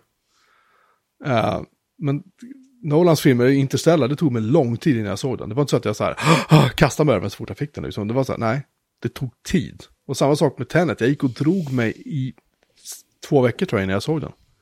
På ett eh, positivt satt eller negativt sätt, eller neutralt? Det är inte negativt, det är mer bara att jag har sån, jag vet inte om det är så att hans filmer kräver någon sorts, du vet, Mm, mm. sinnesstämning för att det ska kännas rätt. Eller, eller alltså man inser att det här är inte bara en en och en halv timmes film som man bara slökollar på. Det känns som att hans filmer vill man verkligen så här Ja, suga i sig liksom. ja men, ja, men Jag, vet inte vad ni tycker. Jo, men jag tror jag förstår precis vad du menar. Jag har det nog lite, men inte lika mycket. Men däremot kan jag ju tänka på så här, om man skulle säga Bergman till exempel. Oh, oh, oh. Då kan jag ju tänka så att, nej, men jag väljer nog ganska noga tillfället när jag börjar titta på en Bergman-film. Du, jag, jag, var, jag var på väg att sätta mig och kolla på Fanny och Alexander, långa versionen häromdagen. Den är fyra och en halv timme. ja. Sen, kände, sen kände jag bara att, nej, jag, jag orkar verkligen Nej, inte. precis. Men jag har ju inte, jag har inte, jag har nog lite av den känslan för Nolan också, men inte alls på samma nivå. För att eh, jag känner ändå att jag, jag, kan- jag kan dra igång en Nolan-film och sådär. Om jag har sett no, någon på bio och lite, lite, lite på studs har jag för mig sådär. Vi såg, in- jag såg inte ställare på bio med en kompis. Jag tror inte det var något som vi så gick och planerade jättenoga innan, utan det var så här, ska vi gå och titta på den? Och hade liksom inte kollat upp, varken hypat upp eller hypat ner mig jättemycket innan. Men, eh, men det, är mer, det är mer när man tittade på längden på filmen som man kände att ja, man kanske ska planera lite grann i alla fall så det inte blir så här att jag tittar en stund och sen somnar eller någonting. Ja, Interstellar, den var väl typ två och en halv timme, var det inte det? Jo, den var, den var lång, men Tenet är ju längre va? Är det inte det? Men var inte Stella, var den så hypad innan den kom? Nej, alltså jag, jag minns inte riktigt. Eh, jag, jag kommer inte ihåg hur mycket eller lite jag hade hört om den. Det, det, för det kan mycket väl ha varit så att, att jag och Kristoffer, hej Kristoffer, gick och såg den för att han sa att "Aj, när det kommer till en ny Nolan-film, den borde vi gå och titta på. Så sa jag, ja, det ska vi göra. Eh, det kan ha varit så, det kan ha varit så att jag hade sett lite om den innan också. Men det känns inte som att jag visste mycket i alla fall. Så det kanske inte var så superhypad innan. Tenet är två timmar och 29 minuter lång. Ja, kortfilm. Ja, och Interstellar är två timmar och 49 minuter lång, så den är faktiskt längre. Ja. Men de, den känns väldigt lång. Mm. Även om, även om den, när man väl är inne i den så flyger det mesta förbi tycker jag. Men Mm.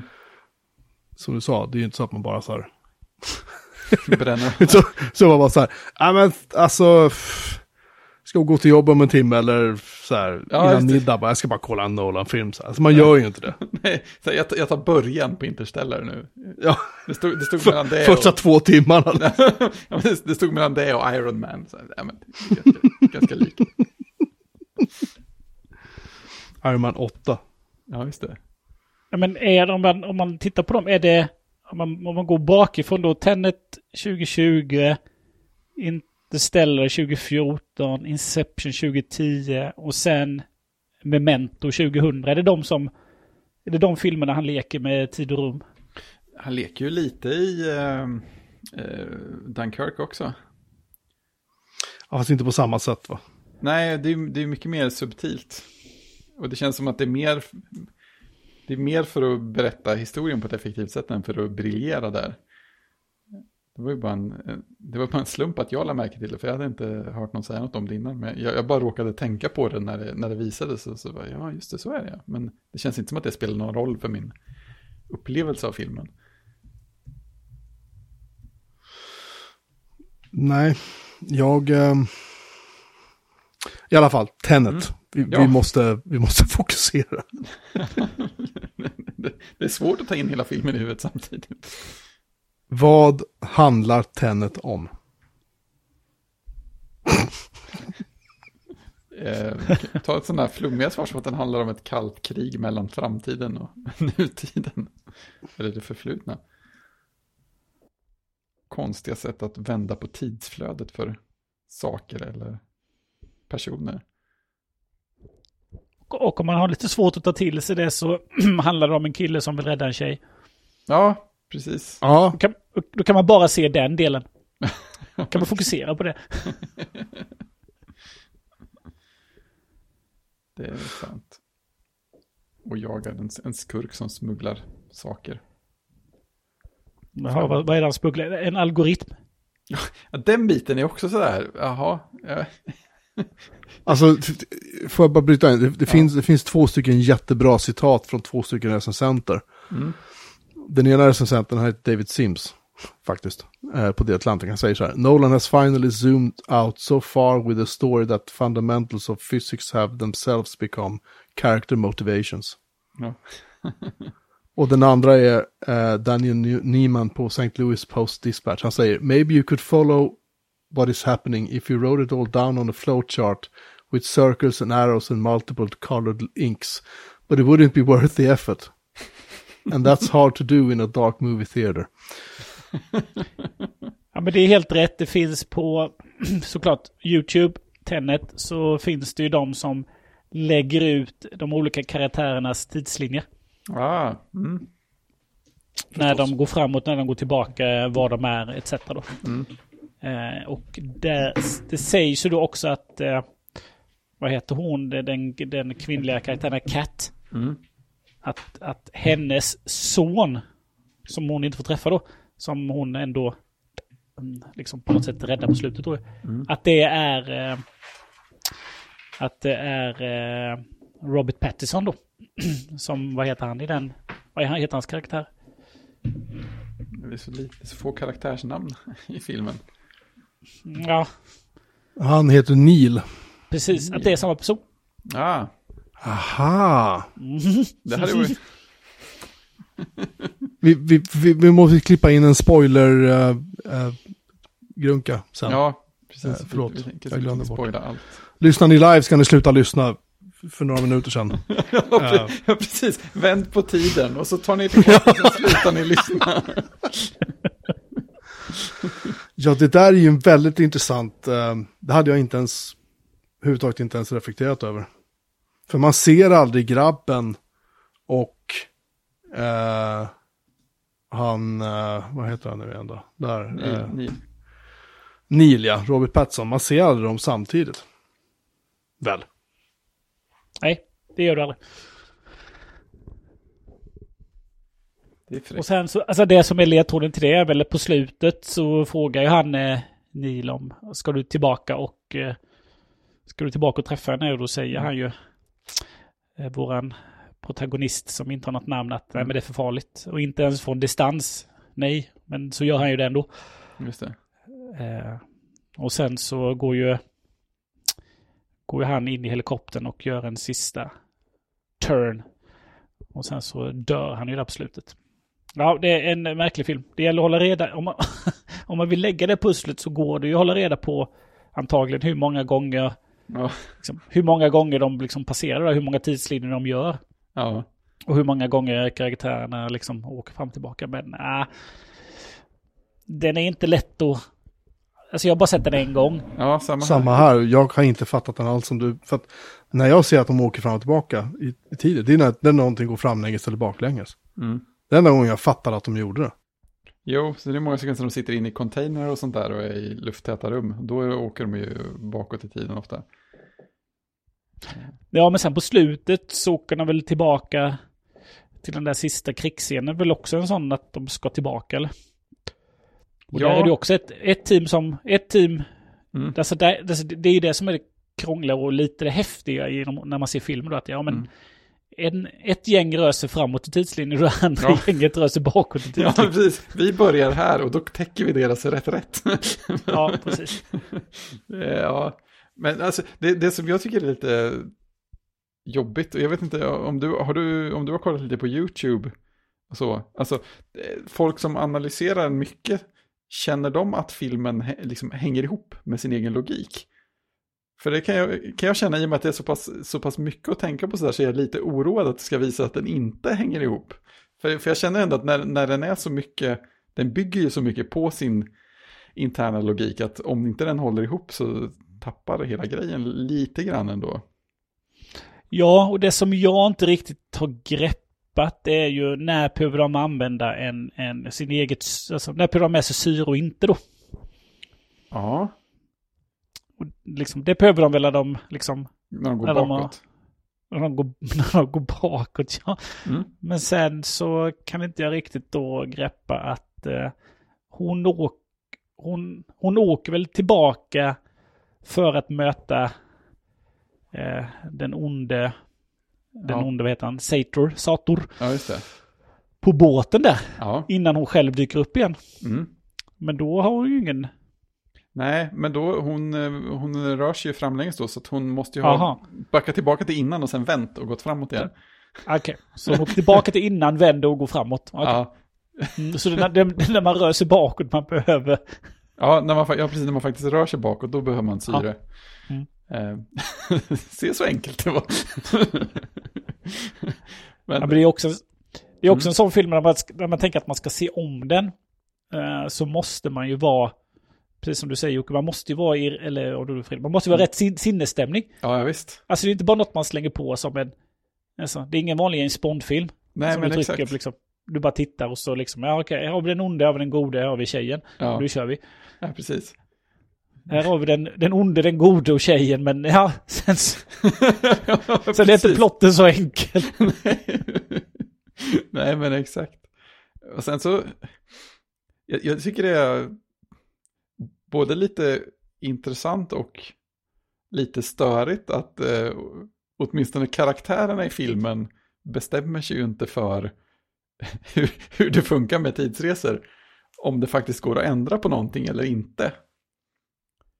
Och det är ju en, det är en sån där, ett sånt där koncept som jag har fått lära mig att man kan liksom dela upp tidsrese-fiction överhuvudtaget i. De, eh, och det är väl dels den här som man ser att man, man kan åka tillbaka och sånt, men man kan aldrig lyckas ändra någonting. Eh, för att det som, det som händer vid den tiden har redan hänt. Och sen finns det andra varianten att man faktiskt kan ändra på saker. Och det går väl ihop med det här multi-universums-idéer. Att liksom varje, varje gång du ändrar så, så liksom det, det, blir ju parallella universum där de olika sakerna har hänt. Eller om det är liksom en, en fnurra på den varianten. Men de pratar ju om det i filmen och de, de säger ju aldrig hur det ligger till. Men eh, jag vet inte om det finns no någonting som, som tyder hårt på eller som liksom drar hårt åt den ena eller andra grejen. För, för mig känns det som att de, de bestämmer sig aldrig, och de antyder att det kan vara vilket som och samtidigt så agerar hela, hela urverket som att det kan vara vilket som också. Alltså, folk beter sig som, ja men antingen, det kan vara så att de ändrar något här, eller det kan vara så att de inte kunde ändra något, att, för att folk, folk som reser bakåt är noga med att undvika sig själva och Ja, till största delen i alla fall. Och de, de ställen där de korsar sig själva så, så händer samma sak båda gångerna man ser det och sådär, tror jag. Mm. Ja, jag, jag vet inte det. Jag kan inte dra mig till minnes det. Men jag vet att de, de, de pratar väl om det, ja. Precis. Mm. En grej som jag tycker var lite rolig. Mm. Om jag bara flika in. Det är ju i början på filmen så är de ju i en stor så här hörsal. Just det. En, en opera. Mm. Ja. Den hörsalen ligger i Tallinn. Ja. Inte som filmen gjorde gällande, jag kommer inte ihåg vad de sa, det var typ så Ukraina eller någonting, det var någon ja, annanstans. Det ja.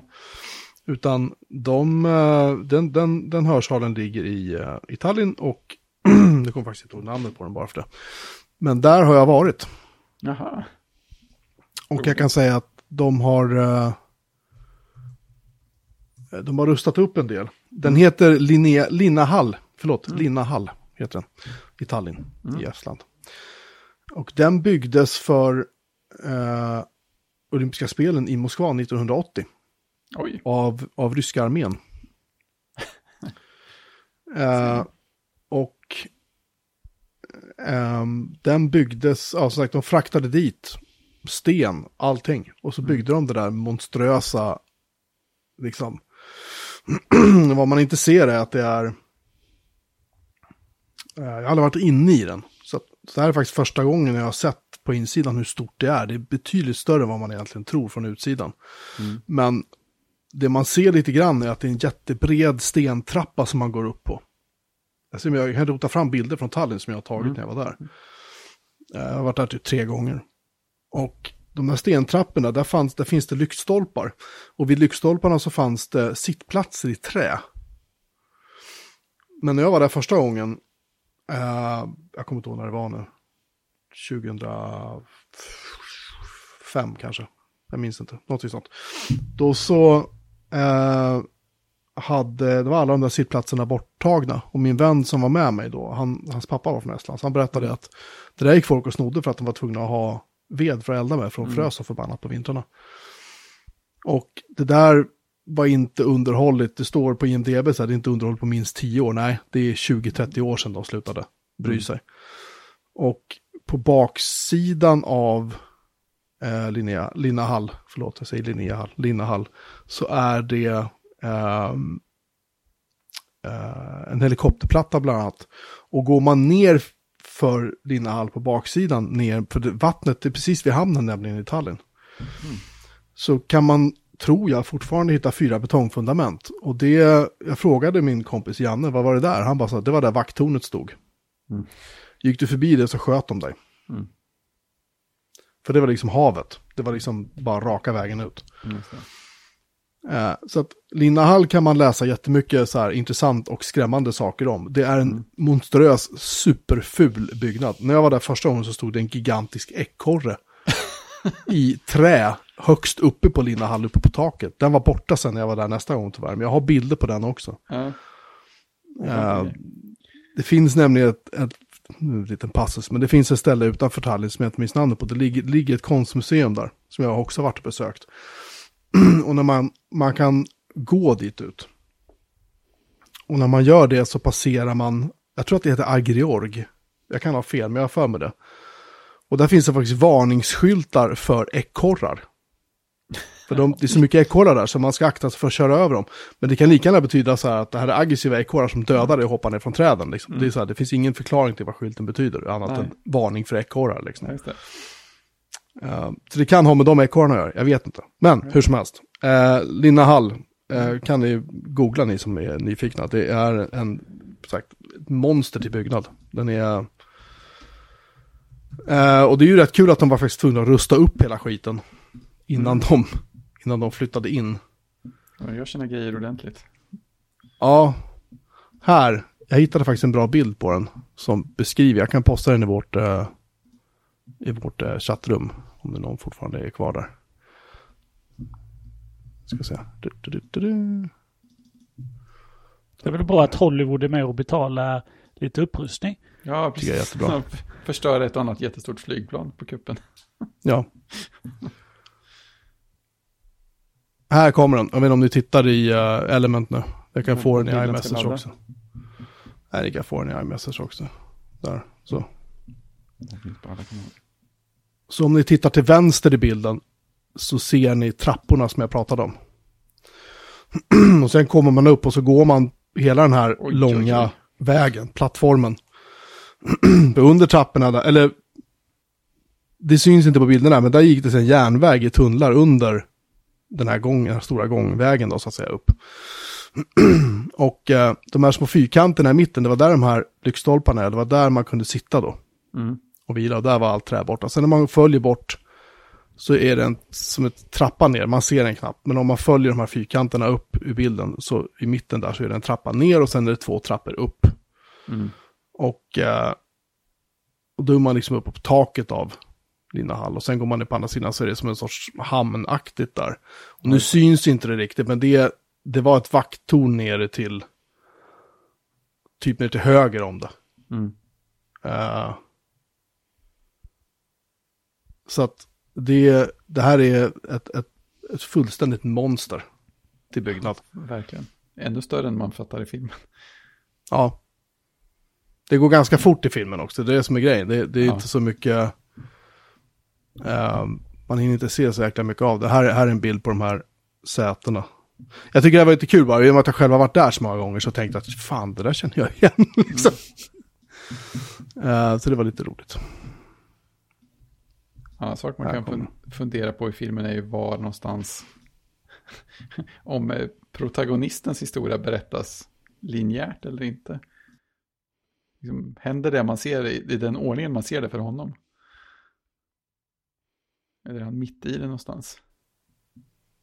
Ja, och jag tycker också det är lite så här, han... Jag tycker inte riktigt början hänger ihop heller, för att han, det är ju det här Lina Hall som sagt, det är någon sorts terrordåd, han är där som någon sorts Mm. eh, eh, legosoldat eller vad han är för någonting, och han sen då eh, blir väl typ skjuten och så ser han någon, att någon typ kör kulorna baklänges eller någonting sånt där. Mm. Och sen vips så vaknar han upp och så är han typ tvångsrekryterad in i den här, eh, vad det nu är för någonting, Ja, organisationen då liksom. Precis. Jag, jag, tyckte, jag tyckte början var så konstig bara. Det, gick- Ja, det gick så jäkla fort. Jag trodde man skulle få någon lite mer förklaring på något sätt. Eller så här inse att jaha, det är så här det hänger ihop eller någonting. För jag var tvungen att ta en paus efter typ en timme. Och då eh, började jag fundera på om det var så att han själv var fast i någon slags oändlig loop med sig själv. Eh, Mm. och eh, riktigt så var det väl inte. Men det är inte uteslutet att det är lite så heller. Eller ja, han den andra säger ju att han kommer att lo- loopa fram och tillbaka på olika sätt ett bra tag.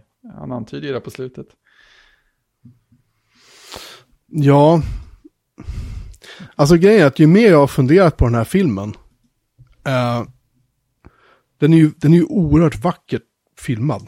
Alltså det är ju en, ett monster till film på så många sätt. Men någonstans så känner jag att alla de här järnvurporna man åker på när man ska försöka reda ut vad det är man faktiskt har sett. Det förtar lite av liksom glädjen. Alltså, i- alltså Interstellar, den kunde ju vara knepig på sitt sätt också. Mm. Men den var ändå ganska linjär i sin handling liksom. Ja, men man kände ändå att man på något sätt lite grann, men jag fattar inte fysiken de pratar om, men på något sätt hänger jag ändå med på vad som händer Ja, tillräckligt mycket. Han ska, han ska åka i ett rymdskepp liksom. Okej, Ja. då hänger jag med på det. Och så är ja, de, de kvar nere på jorden och så försöker de lösa så här prylar. mm, ja, men precis. Så, bra. Och sen Inception, ja den var knepig, men där förklaras det ju ganska tydligt.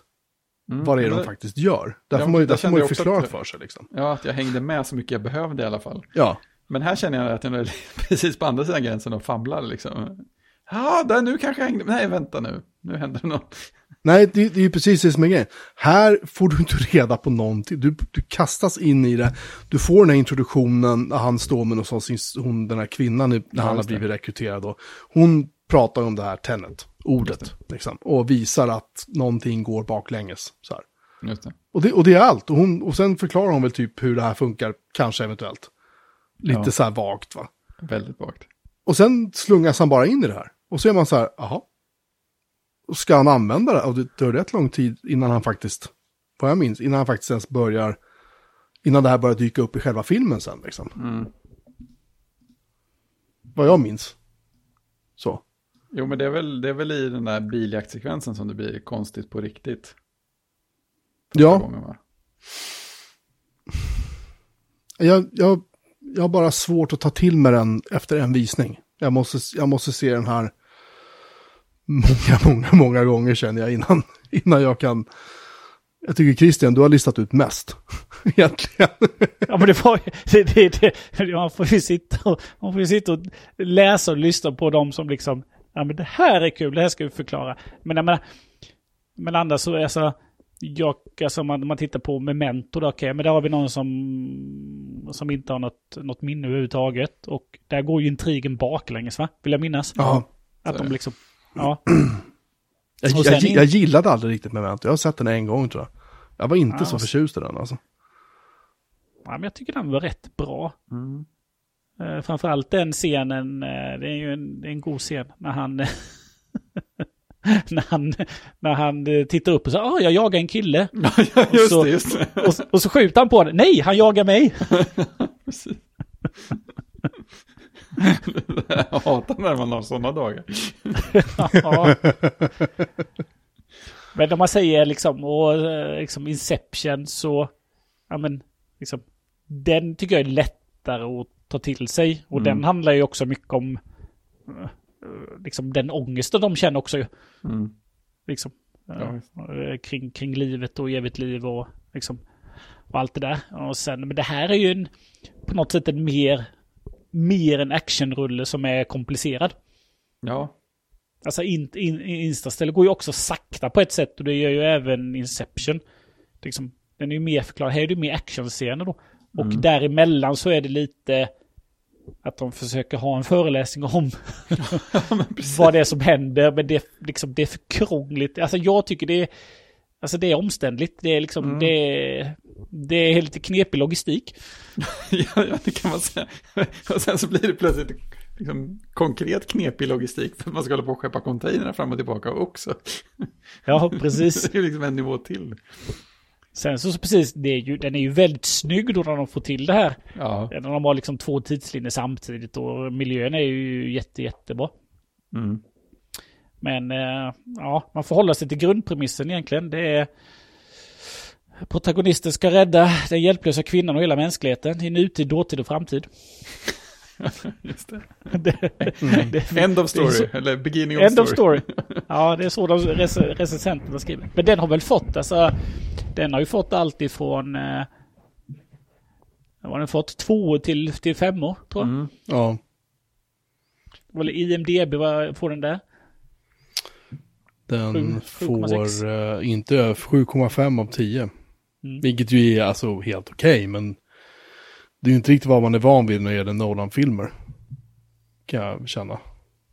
Nej, alltså, nej jag, tycker det är, jag tycker det är spännande. Jag, jag, jag kommer ändå fram till att jag gillar den genom att tänka på hur mycket jag har tänkt på den. För jag Men känner in, att- inte, för jag bara flika in, Interstellar fick 8,6 av 10. Dunkirk fick 7,8. Eh, Dark Knight Rises fick 8,4, vilket jag inte förstår, för så jävla bra var den inte. Men eh, Inception då, vad fick den? 8,8. Han är ju ganska liten då nu. Men... Eller förlåt, vad hette, vad hette den andra Batman-filmen han gjorde? Batman, The Dark Knight Ja, gjorde han, just det. Den är 9 av 10. Det, Det är är exceptionellt högt. det kan man säga. Anyway, förlåt att jag avbröt, jag ville bara flika in med hans... eh, Du kanske inte Ja, avbröt. Du kanske började diskussionen där. Nej men jag vet inte, jag... Jag... Jag har svårt att känna mig liksom, alltså... Jag vill nog gilla den här filmen lite mer än vad jag kanske egentligen gillar den. Mm, mm. Jag tror att det Ja är men mitt... det, är, ja, men det är ju lite för att du eh, gillar i, de andra filmerna så bra. Interstellar liksom. Det är ju liksom den... Det är den man har som lite och även Inception. Det är den man har som måttstock ju. Dark Knight är min måttstock när det gäller honom. Ja, men om man... Liksom med Dark... Alltså, Batman-filmerna vet man att det är inte samma genre som den här. Det var ju något annat. Ja, det här är ännu renare än Nolan på något sätt. Ja. så kan man ju The. Nolan experience liksom. Ja, men Ja, det, det är exakt. verkligen, eller hur? Jag tar den här idén, sen springer jag med den så långt jag bara kan. Oj, oj. Ingen kommer att haja någonting av det. Nej, tänk, tänk, tänk liksom hans sista film som han säger att det här är storverket. Den, den här säger allt jag alltid har velat få sagt. Det kommer vara sex timmar lång och ingen kommer att begripa ett dugg.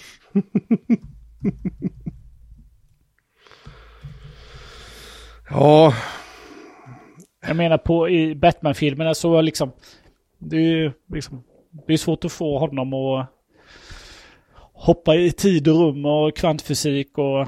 Oj, oj, oj. Tidsresor och sånt. Du, du, tänk, tänk, tänk, nu, tänk dig när Nolans uh, Spiderman kommer. Då kommer Into the Spider-Verse och var ingenting igen. Apropå Nolan så gjorde han ju även den... Eh, eh, The Prestige. Just det, den Med borde jag se eh, om. Jackman och det var ju också Christian Bale Mm. såklart. Den Eh, den och Michael Caine. Mm. De kommer igen.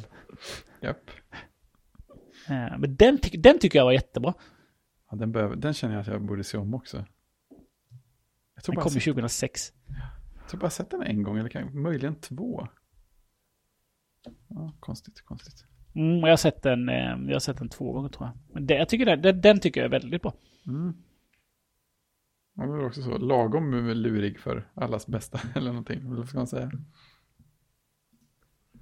Ja, men det tycker jag. Den är ju... Eh, så den bygger ju på en, den bygger på en roman. Eh, så att den har ju en grund i någonting. Men den, nej, jag tycker den är jättebra. inte det här när de gjorde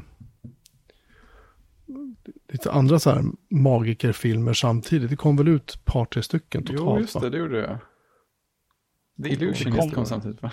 Ja, precis. Är det med Edward Norton eller? Ja, just det. Ja, och sen kom det en till också utöver den här, tror jag. Någonstans där. Jag är osäker nu, men ja, fuck it.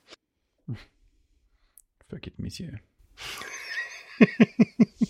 ja, nej, men jag är sugen på att se den igen också, det måste jag säga. Jag, jag, jag, jag, jag, ska, se, jag ska se Tenet en gång till. Jag, jag måste, för att jag... Jag måste försöka begripa mer. Jag känner mig helt dum som inte...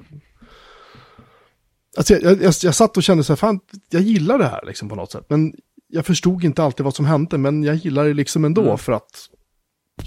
Jag vet inte. Att det var snyggt eller att det var...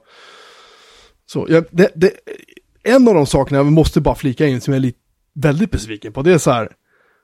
Vi ska rädda världen, därför då? Jo, därför att en, en rysk eh, eh, vapenhandlare, eller vad han nu är för någonting, Mm. eh, har åkt, eller typ på något sätt från framtiden eller någonting, lyckats stjäla atombomber eller någonting. Och när han dör så kommer de att explodera. Ja, precis. Och då kommer hela världen gå under. Det är så här. Ja, precis, you, you lost me.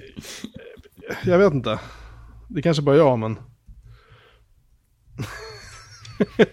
jag, jag kände inte riktigt, jag kände på något sätt att där sprack det lite för mig. Ja, men hela den där grejen att de har någon slags handviftande algoritm som man typ sätter igång genom att spränga något jättestort och ja, nej, jag vet inte.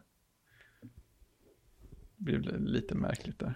Ja, men, ja, men ja, jag, jag vet inte om jag är 100% på det, men liksom, liksom den där algoritmen, liksom, liksom, det där kan ju, liksom, det de uppfunnit kan ju föra röreboll Mm. liksom, bakåt i tiden. Mm.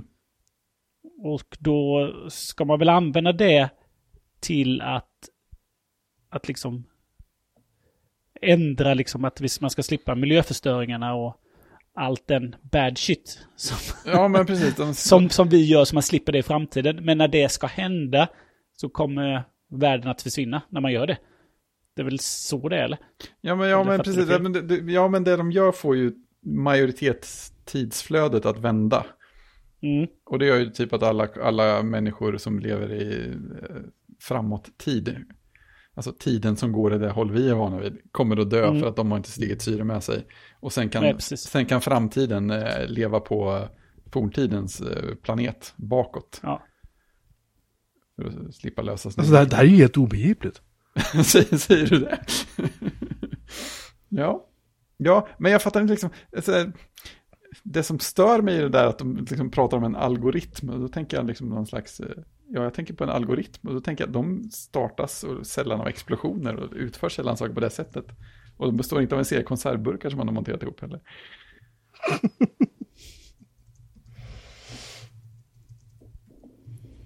Det, det, vi kan säga att den, den biten av filmen hade behövts lite mera jobb. Ja, kanske. Kanske. Eller så finns allting där och det är bara så att ingen människa på planeten är smart nog att förstå det. Nej. Eh, Men du får tänka så här Jocke, att du som du sa, du gillar ju filmen. Och det är ju för att den är den är ändå bra, den är välspelad och den, det är bra foto och det är bra musik. Ja, Eh, och sådär. Men Svensk, får, svensk kille som har gjort filmen, var det inte det? du får ju tänka sen då när Tenet 2 kommer, precis som Titanic 2 då. Eh, när de ska resa i tiden med, med dåligt skådespeleri och dålig CGI. då är det inte en rolig upplevelse. Nej, nej, exakt. Det, det blir hårt. Det är tydligen väldigt lite CGI också. Det tycker jag i och för sig är lite kul. Men eh, jag vet inte om de egentligen tjänade så mycket på att ha så lite CGI. Det känns också lite sådär som att, ja visst, det är jättehäftigt att ni kan, kan göra det här på riktigt istället för med CGI. Men jag vet inte om, om direkt berättandet vann någonting på att ni gjorde allting med riktiga bilar i, i kameran istället för att rendera en annan sak i efterhand. Nej, han har gjort en stor, stor grej av att det är inga, inga green screens och Mm. sådär. Och det är, allting är filmat på riktigt och lalala. Ja, men det, det, är, ju- det är ju coolt. Det är häftigt att göra det, men jag vet inte om det egentligen gjorde, gjorde någon stor skillnad. Nej, jag vet inte. Jag kan inte, jag kan inte ta till mig. Jag, jag, tycker det, jag tycker allting är jävligt snyggt liksom. Ja, det kan jag det. Men, Det men, väldigt, väldigt. men, uh. Nej, jag ser fram emot att se den igen. Ja, alltså det, tycker- det gör jag också. Förlåt Christian, vad skulle du säga? Vad tycker ni om eh, den superbrittiska Kenneth Branagh som, eh, som ryss då? Alltså förvånansvärt bra måste jag säga. Jag, jag insåg efter en liten stund att det var han, eh, men det, det störde mig aldrig. Alltså, jag, det funkade tydligen för mig. Ja, det som stödde mig mest var ju att jag inte, att jag inte kopplade att det var han. Omedelbart. Jag, alltså, jag är inte säker på hur, hur det kom sig att jag kopplade, men jag gjorde det till slut. Jag måste, ja. Ja, jag vet inte vad de hade gjort med honom. Han var så Nej. riktigt lik. Nej, han var, nej, han var så väldigt olik. Jag undrar om jag... Alltså, har han spelat någon slags liknande roll så att jag har sett honom på något sätt förställa sig på ungefär samma vis kanske? Jo, men jag tror han har spelat, eh, han har spelat ryss tidigare. Kanske jag har sett. Ja, Det tror jag att han har gjort, men jag är inte så säker på. Alltså han har gjort, Kenny Branagh har, har gjort ganska mycket eh, bra saker. Han har gjort ganska mycket skit också. Eh, jag tycker han är ganska överskattad som skådis överlag. Men, men eh, ja, det är väl kul för honom om han lyckas eh, göra någonting bra någon gång. Jag är väl inte så övertygad om att han hade varit rätt person för den här rollen. jag kunde tänka mig en rad andra personer i hans liksom, ålderskategori som hade varit bättre för den här rollen än vad han är mm. faktiskt. Han är ju ryss i Jack Ryan-filmen. Med eh, Chris Pine. Som Jack Ryan. Mm. Ja, den har jag inte sett. Har du inte sett den? Där var han ryss i alla fall. Ja. Alltid något. Bara sätta upp den på listan. Den har jag faktiskt sett. Nej, men han har gjort mycket, Kenneth Branagh. Mm. Så är det. Hamlet-filmen. Mm. Sen kan man väl tycka också då att eh, eh, tjejen är lite kanske lite väl stereotypiskt då att eh, ja, världen kommer gå under Mm. och mänskligheten kommer försvinna. Ja, men hur kommer det gå för min son? Kanske- Då kanske man blir lite typecastad i och för sig.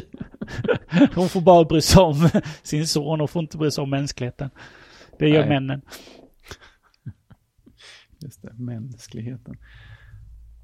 Jag gör allt för min son.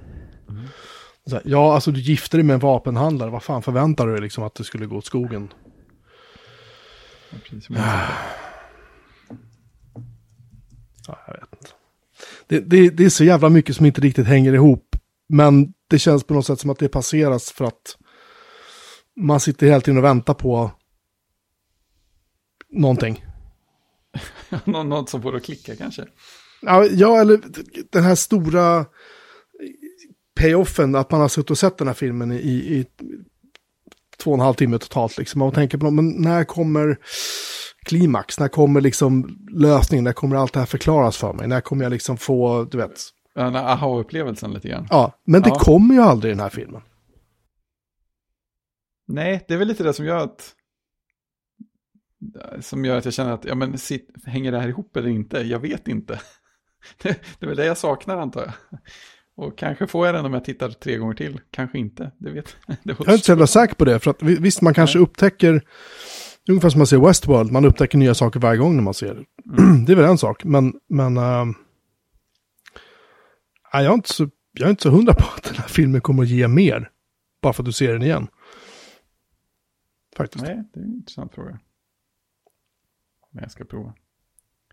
Sen borde jag se om Dunkirk också känner jag. Ja, den skulle jag vilja se om. Men där var ju Kenneth Branagh med också, där spelar han väl ändå, där spelar han ganska bra tycker jag. Commander Bolton. Nej, men Dunkirk är ju en film att se om en, eh, som en söndagsmatiné. Ja, eller hur? Den, eh, den Mm. funkar ju som matinéfilm. Men jag tror definitivt det finns nya saker att se där också. Och njuta av fotot. Oj. Ja, den är fantastiskt vacker, det är den.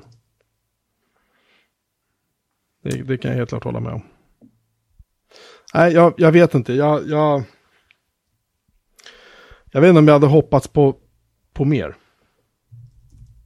Ja, men det tror jag nog många hade gjort. Ja, Det känns ju som att det, det, liksom, det är ju väl summeringen av det att eh, eh, världen hade hoppats på mer. Och så kanske det blev lite stort också då. Mm. Eh, när den, den, den blev väl lite, jag vet inte om den blev uppskjuten den där på grund av corona. Jo, det blev den. Ja, Sen släppte de den bara på streaming istället. Men så den har ju att, eh, gått lite på bio här i Sverige faktiskt. Ja, det, ja förlåt. Lite, Mm. Sorry, du har rätt i det. Så att det, det var väl också så det blev lite upphaussat. Det är väl samma sak med kommande Bond. Den kommer väl också vara lite, Ja, just det.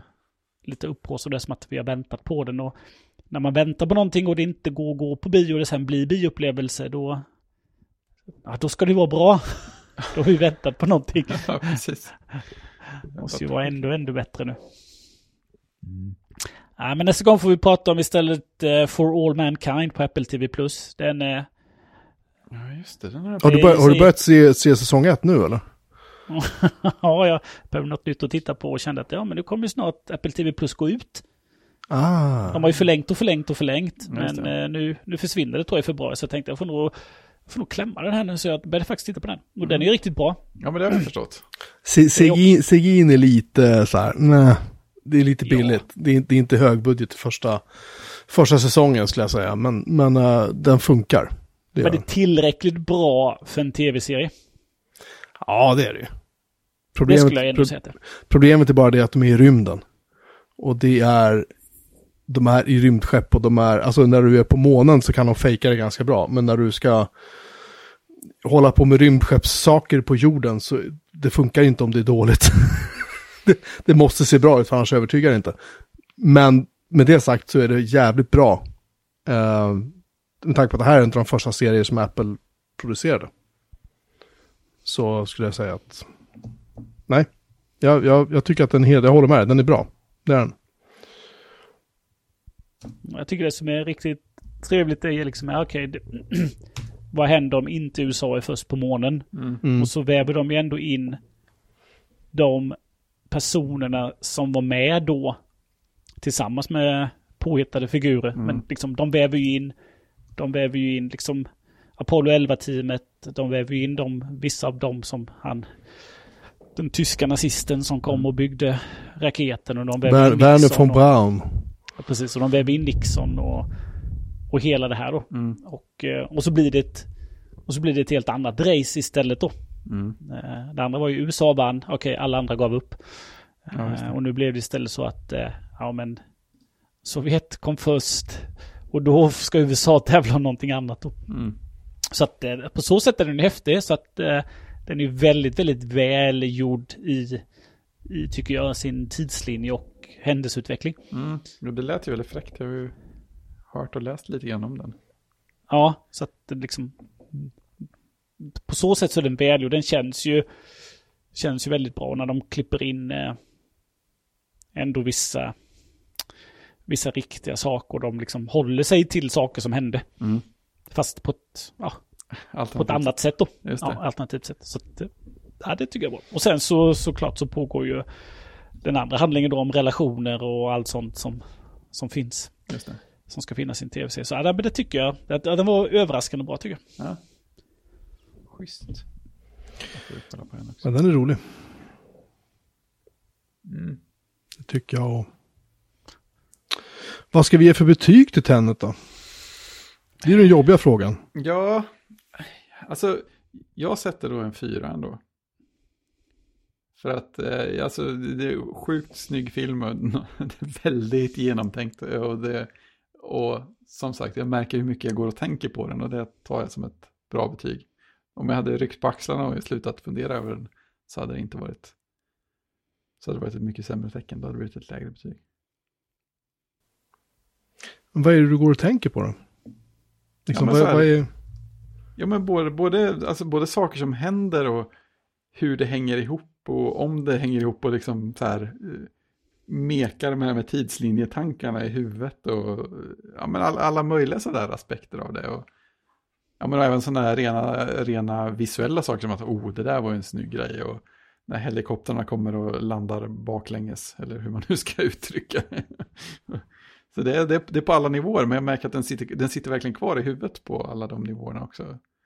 Så att, eh, det är framförallt det som gör att jag ger den högt. Intressant. Christian? Ja, alltså den griper ju inte tag i mig, skulle jag säga. Mer än att man tycker att, men, ja, men det här var ju häftigt, eller det här var ju, det här var spännande. Den här måste vi se en gång till för att se om vi kan reda ut Mm. lite mer och förstå lite mer. Där ligger ju nyfikenheten. Sen är den ju liksom, den är ju välgjord och eh, snygg. Men det finns ju ingenting som, det, alltså, det finns ingenting som griper tag i en. För den, den grundstoryn är ju liksom, är ju alldeles för enkel. Det är ju precis som en Bondfilm. Det finns inget som griper tag där heller egentligen. Nej, nej men, och, och här har man ju inte någon person man bryr sig om heller. Nej, det har man ju inte. Det, liksom, det finns ju inte riktigt. Nej. Eh, så att eh, jag skulle väl inte ge den en fyra utan jag skulle nog stanna på en tre. Mm. Tittar man på, tittar man på eh, Inception så, så blir det något som griper tag liksom, ja, Det är med sant. huvudpersonerna på Verkligen. ett helt annat sätt. Mm.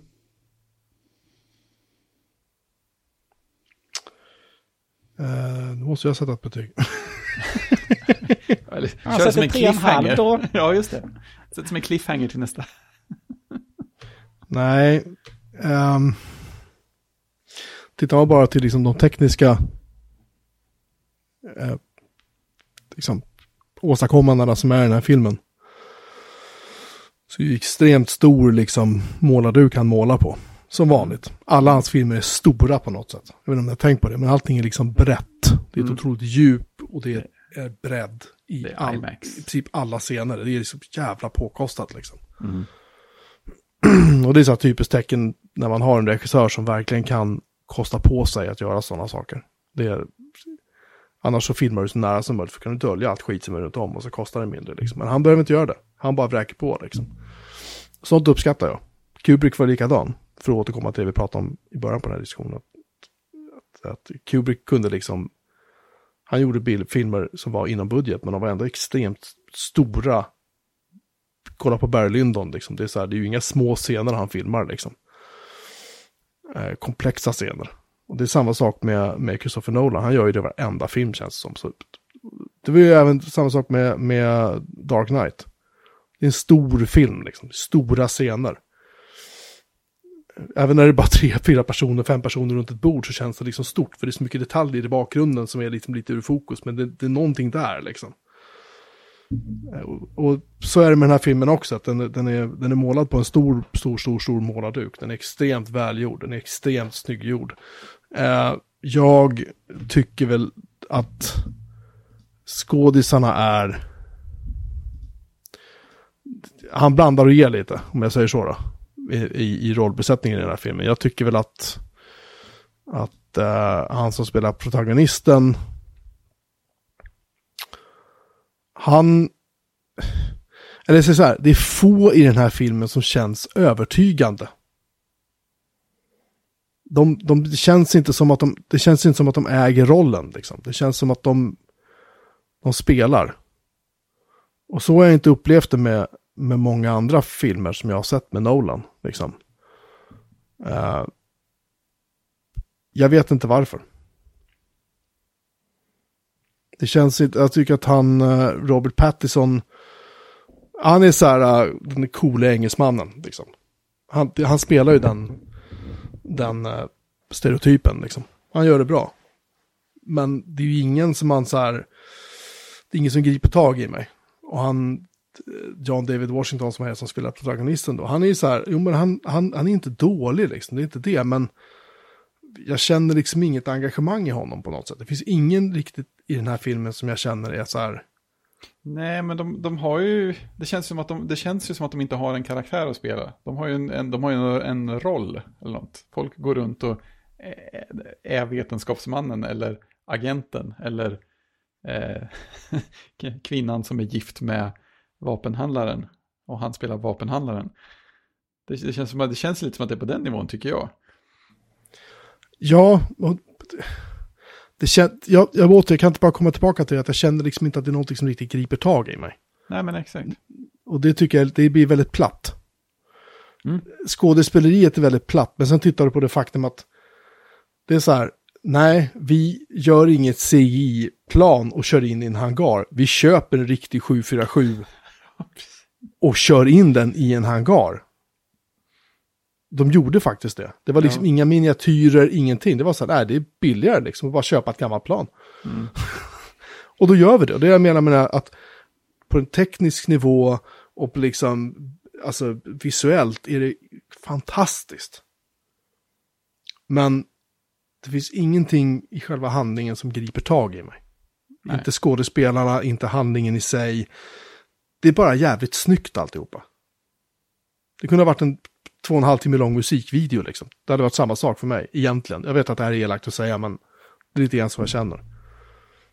Um, och, det, och jag, är, jag är duktigt besviken mm. på den. Mm. Uh, med det sagt så är det möjligt att den kommer att bli bättre andra uh, visningen. Tredje visningen.